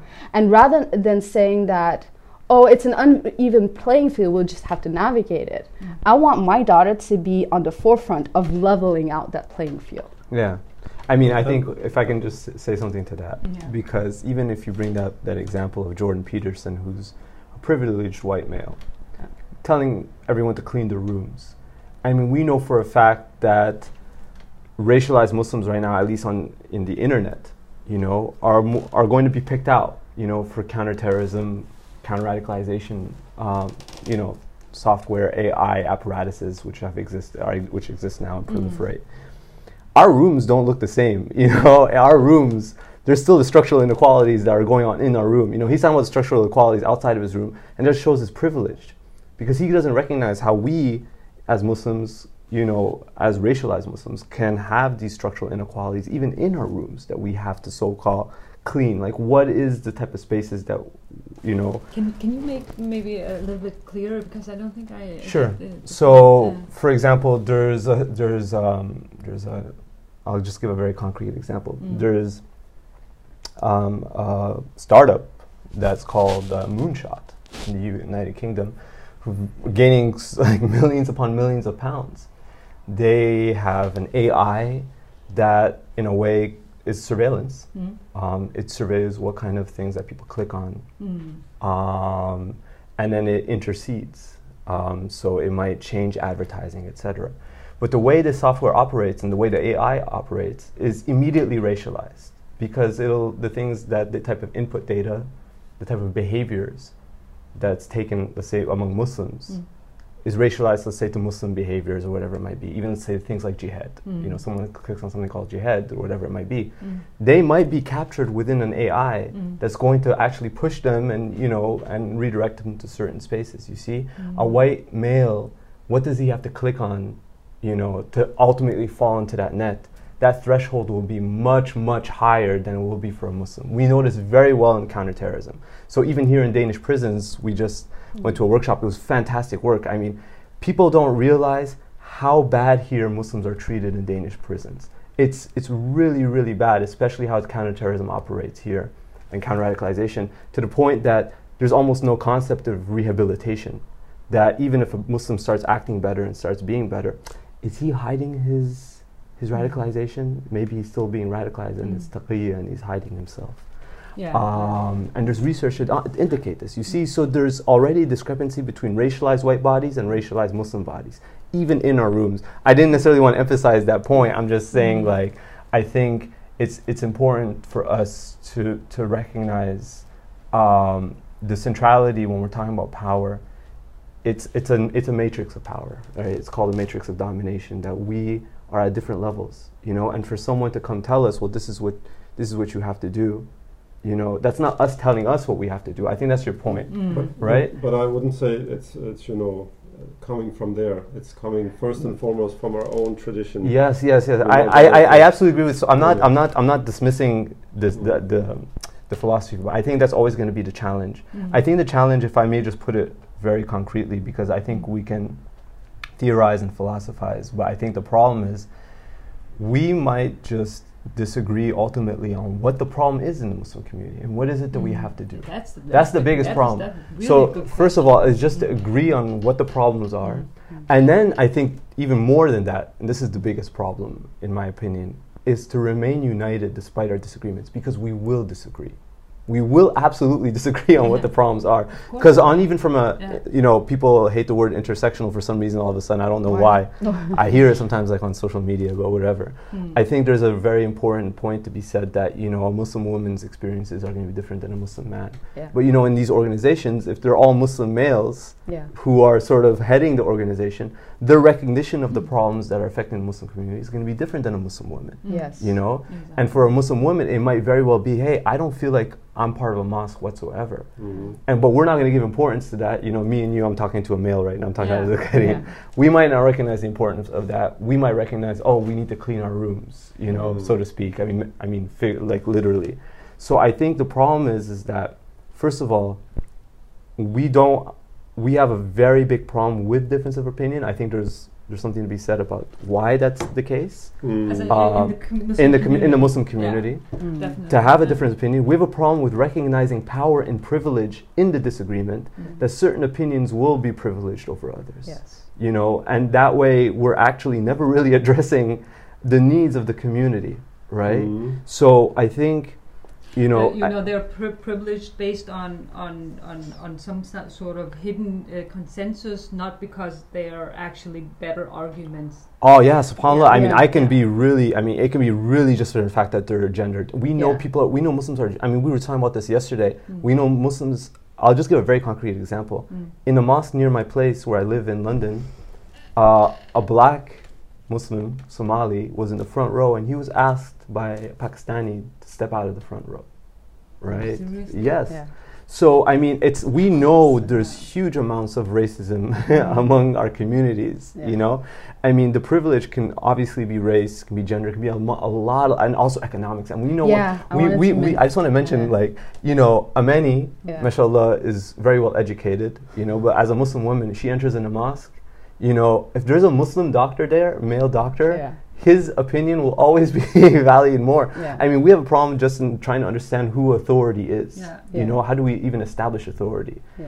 You know, let alone difference of opinion. But you see, all of the things you're saying now, they are, we have to take focus or resources to look at these things, which cannot be at the same time at the individual level, Yeah. at least, looking at the structural level. Yeah. So, so this is only, I, I think for me at least, this is the point that. Uh, you That know, this cake, the cake, or- the yeah. cake, and the what? Yeah, you yeah. can Can't have the have cake and cake. eat. So, so at the individual level, because I'm uh, hundred percent agreeing. We we are not saying uh, let's uh, let's not you know work on the playing field and evening the playing. We have to because this is Even uh, the actually field, yeah. a moral obligation. Like you said yourself, we have to speak out and say this is not okay. But we also have to make sure that it's not um, uh, becoming uh, something which hinders us in engaging in the best way because it, uh, sometimes I just feel it's like we are sitting on the line and saying the, the, we don't want to play because the field is not you know okay or, there- could you- and, and this is not I'm not speaking about Yeah, yeah. us four Yeah. and our discussion but Yeah. but as uh, general in in the in society I know I know but and and a quick thing is that you're talking about difference of, of opinion and reaching to some let's say understanding of the problems for me i feel it's a little bit before we have to first and foremost create a culture of speaking to each other about uh, you know these things you know this Yeah. uh, which Even we, we don't even see in the culture, yeah. families you know talking about the, the, the different the you know the hot topics the different the, the difficult matters. It's because well we put it in on the you know the carpet The and then the, uh, suddenly the carpet you know kills us all you know it's a tsunami carpet. Yeah. uh, and and this is the f- one step. And then when we when we uh, foster when we raise yeah. foster this this culture of which I feel we see in the in the Prophet uh, sallallahu alaihi wasallam his they were they were talking about things in an open manner and dealing with the challenges Absolutely. and then we, we move on to the difference See, of, I think I think that's a spiritual and moral responsibility. You see what I'm Mm. saying? Like I think that's why we're confounding a, various different things. And I, I I don't mean to say that what you're saying isn't also a social responsibility. Mm. I'm going to be held accountable towards Allah for how I raise my children, regardless. You see, it doesn't matter what sort of issues I Mm. encounter, right? And obviously, if I want to prepare my children accordingly, I need them to be aware of all these various issues and Mm. also responsibility for themselves, right? I always, especially when I'm talking with people, I always talk about responsibilities in three different categories. We have responsibility towards ourselves, you know, our commu- uh, you know, sorry, towards uh, Allah, towards our community, and towards you know the world, as- uh, Society society or the world at large, right? And we have to be able to be cognizant of that. That's, Exactly. it's very artificial. Mm. But I also I think you keep talking about the best way. I don't think there is a best way, right? I think the best way is whatever we are able to develop a consensus upon. Mm. And that's where I agree with you. What ultimately is necessary for us as a Muslim community is for us to create that space whereby everyone can come, Mm. right? With a space in which disagreement can be allowed. That there's a way to collectivize these opinions, you know, and move forward, not in a way that any certain person's opinion or whatever, for whatever Mm. reason, is, is, has a supremacy over others.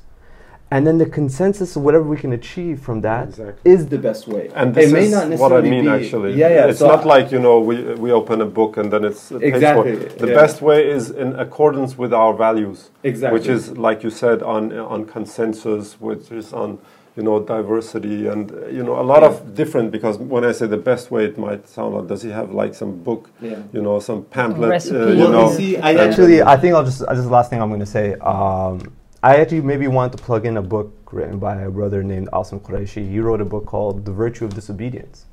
Um, he's bringing out a second edition right now, uh, I think this year. Um, you know, I'll plug it in just on his behalf because I think I think there's a lot to learn from other communities, and we know as uh, in Islam, Yeah. there's a there's it's incumbent on us to learn from previous communities and other communities that exist Mm. in in the world today. Um, and I think we think of ourselves often as sort of isolated, but that's not the case. Mm. You know, I think there's a lot on the war on drugs that re- reflect the war on terror, for example, and how to mobilize. Mm. Um, and that's what he does in this book. So he talks about the virtue of disobedience in Islam. So disobeying in a democratic Mm. fashion, disobeying, sort of, so to speak, the state. You know, so having a political agency, Mm. um, democratically, of course. Okay. Um, so I think there's there's something to be said about being able to think about it and create those spaces Yeah. where everyone can come together. and. And, and just as an offshoot of that, I think, um, you know, the we as minorities in Denmark have learned to not be disobedient.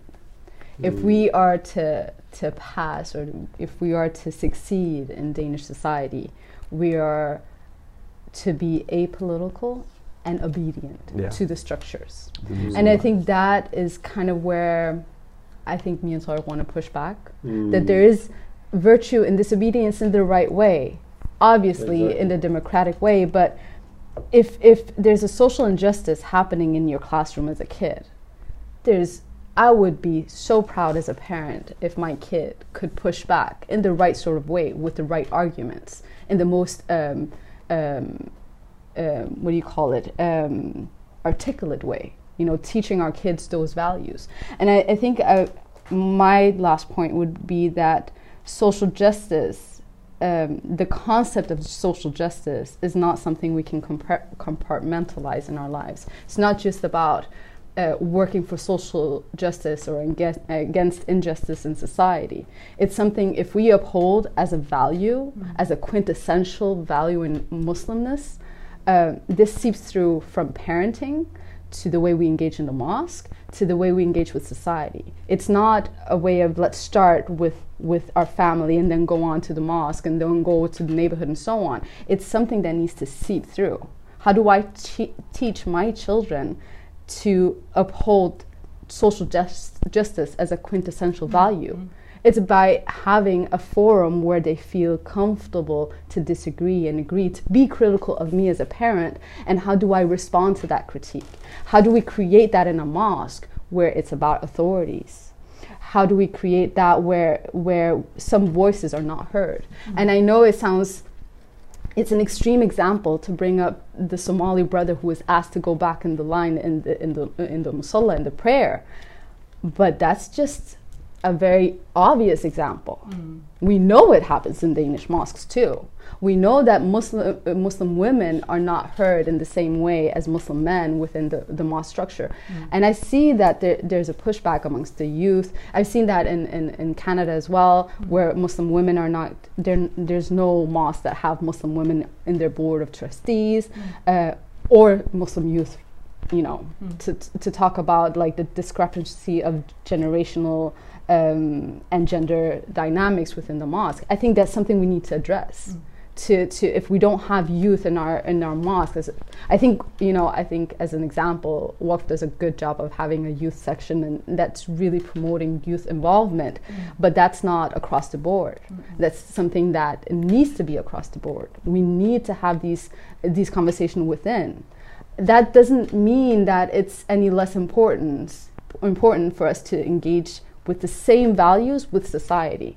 And I think that's where it comes back just to bridge our differences. Mm-hmm. It comes back to that idea of if we um, we present our values as the as you know if we define our values mm-hmm. what is of benefit to our larger society mm-hmm. and i think being the for, at the forefront of social justice in a society that really is is neoliberal to bring it back to that point where it's all about the personal responsibility to gain to gain success in life. If we say no, it's also about um, getting rid of injustice in society. I think that that is a value that we uphold in our in our religion that is of benefit to the broader society. And I think with that, I Yeah, well, I think. Uh, thank you so much. We, we can end it here, I think, because um, um, It's- unless it's, you uh, have, we uh, do we you are have? already. Uh, I know you have more to say. You always have. no, no, but but I, I really I,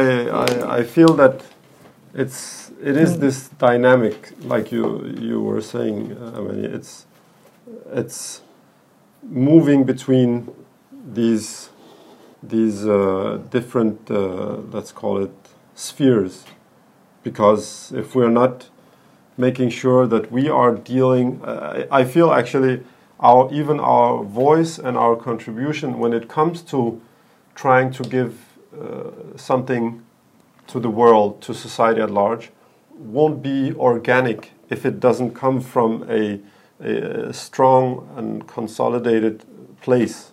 Like you said, that that uh, we have a lot of things internally as a community, whether it be in Denmark or Europe or whatever, that we have to to um, uh, to work on uh, alongside, of course, being outspoken and doing things and so on. So it's not And they are connected. uh, to- totally, uh, and and uh, and uh, I just think that it's um, this this uh, this discussion about the balance between these two uh, is something that I don't feel uh, is taken very much in the in the um, community, and at the same time that it's the the the, the easiest thing is to focus on what is wrong, you know, out there, and how what is wrong out there is connected why I can't fix what is in here.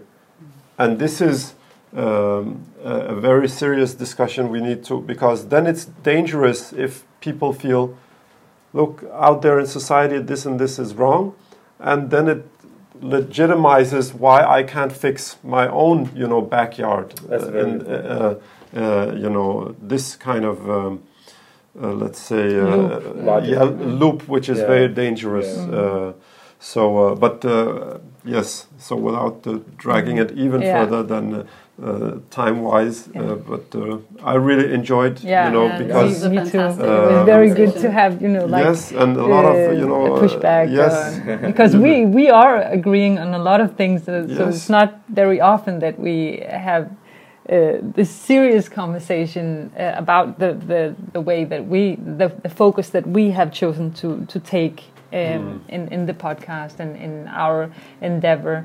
So it's so great to have talked to Mm. you, uh, mashallah.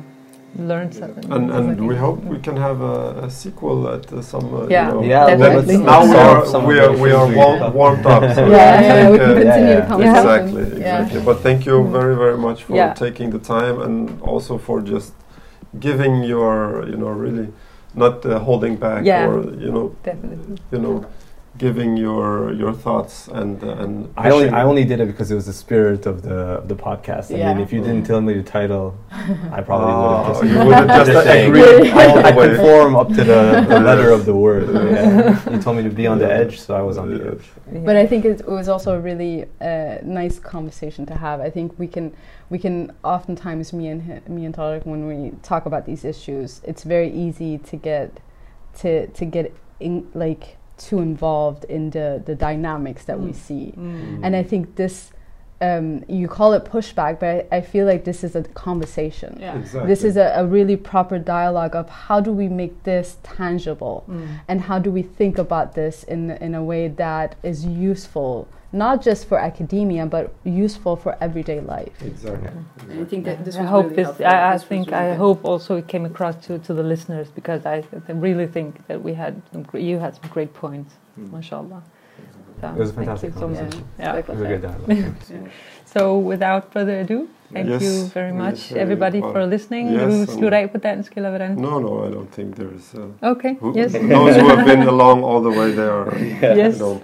So uh, thanks Yeah. to you for uh, for being with us today, and uh, until next time, uh, you know, take care of yourself. Thank you. Thank you so much.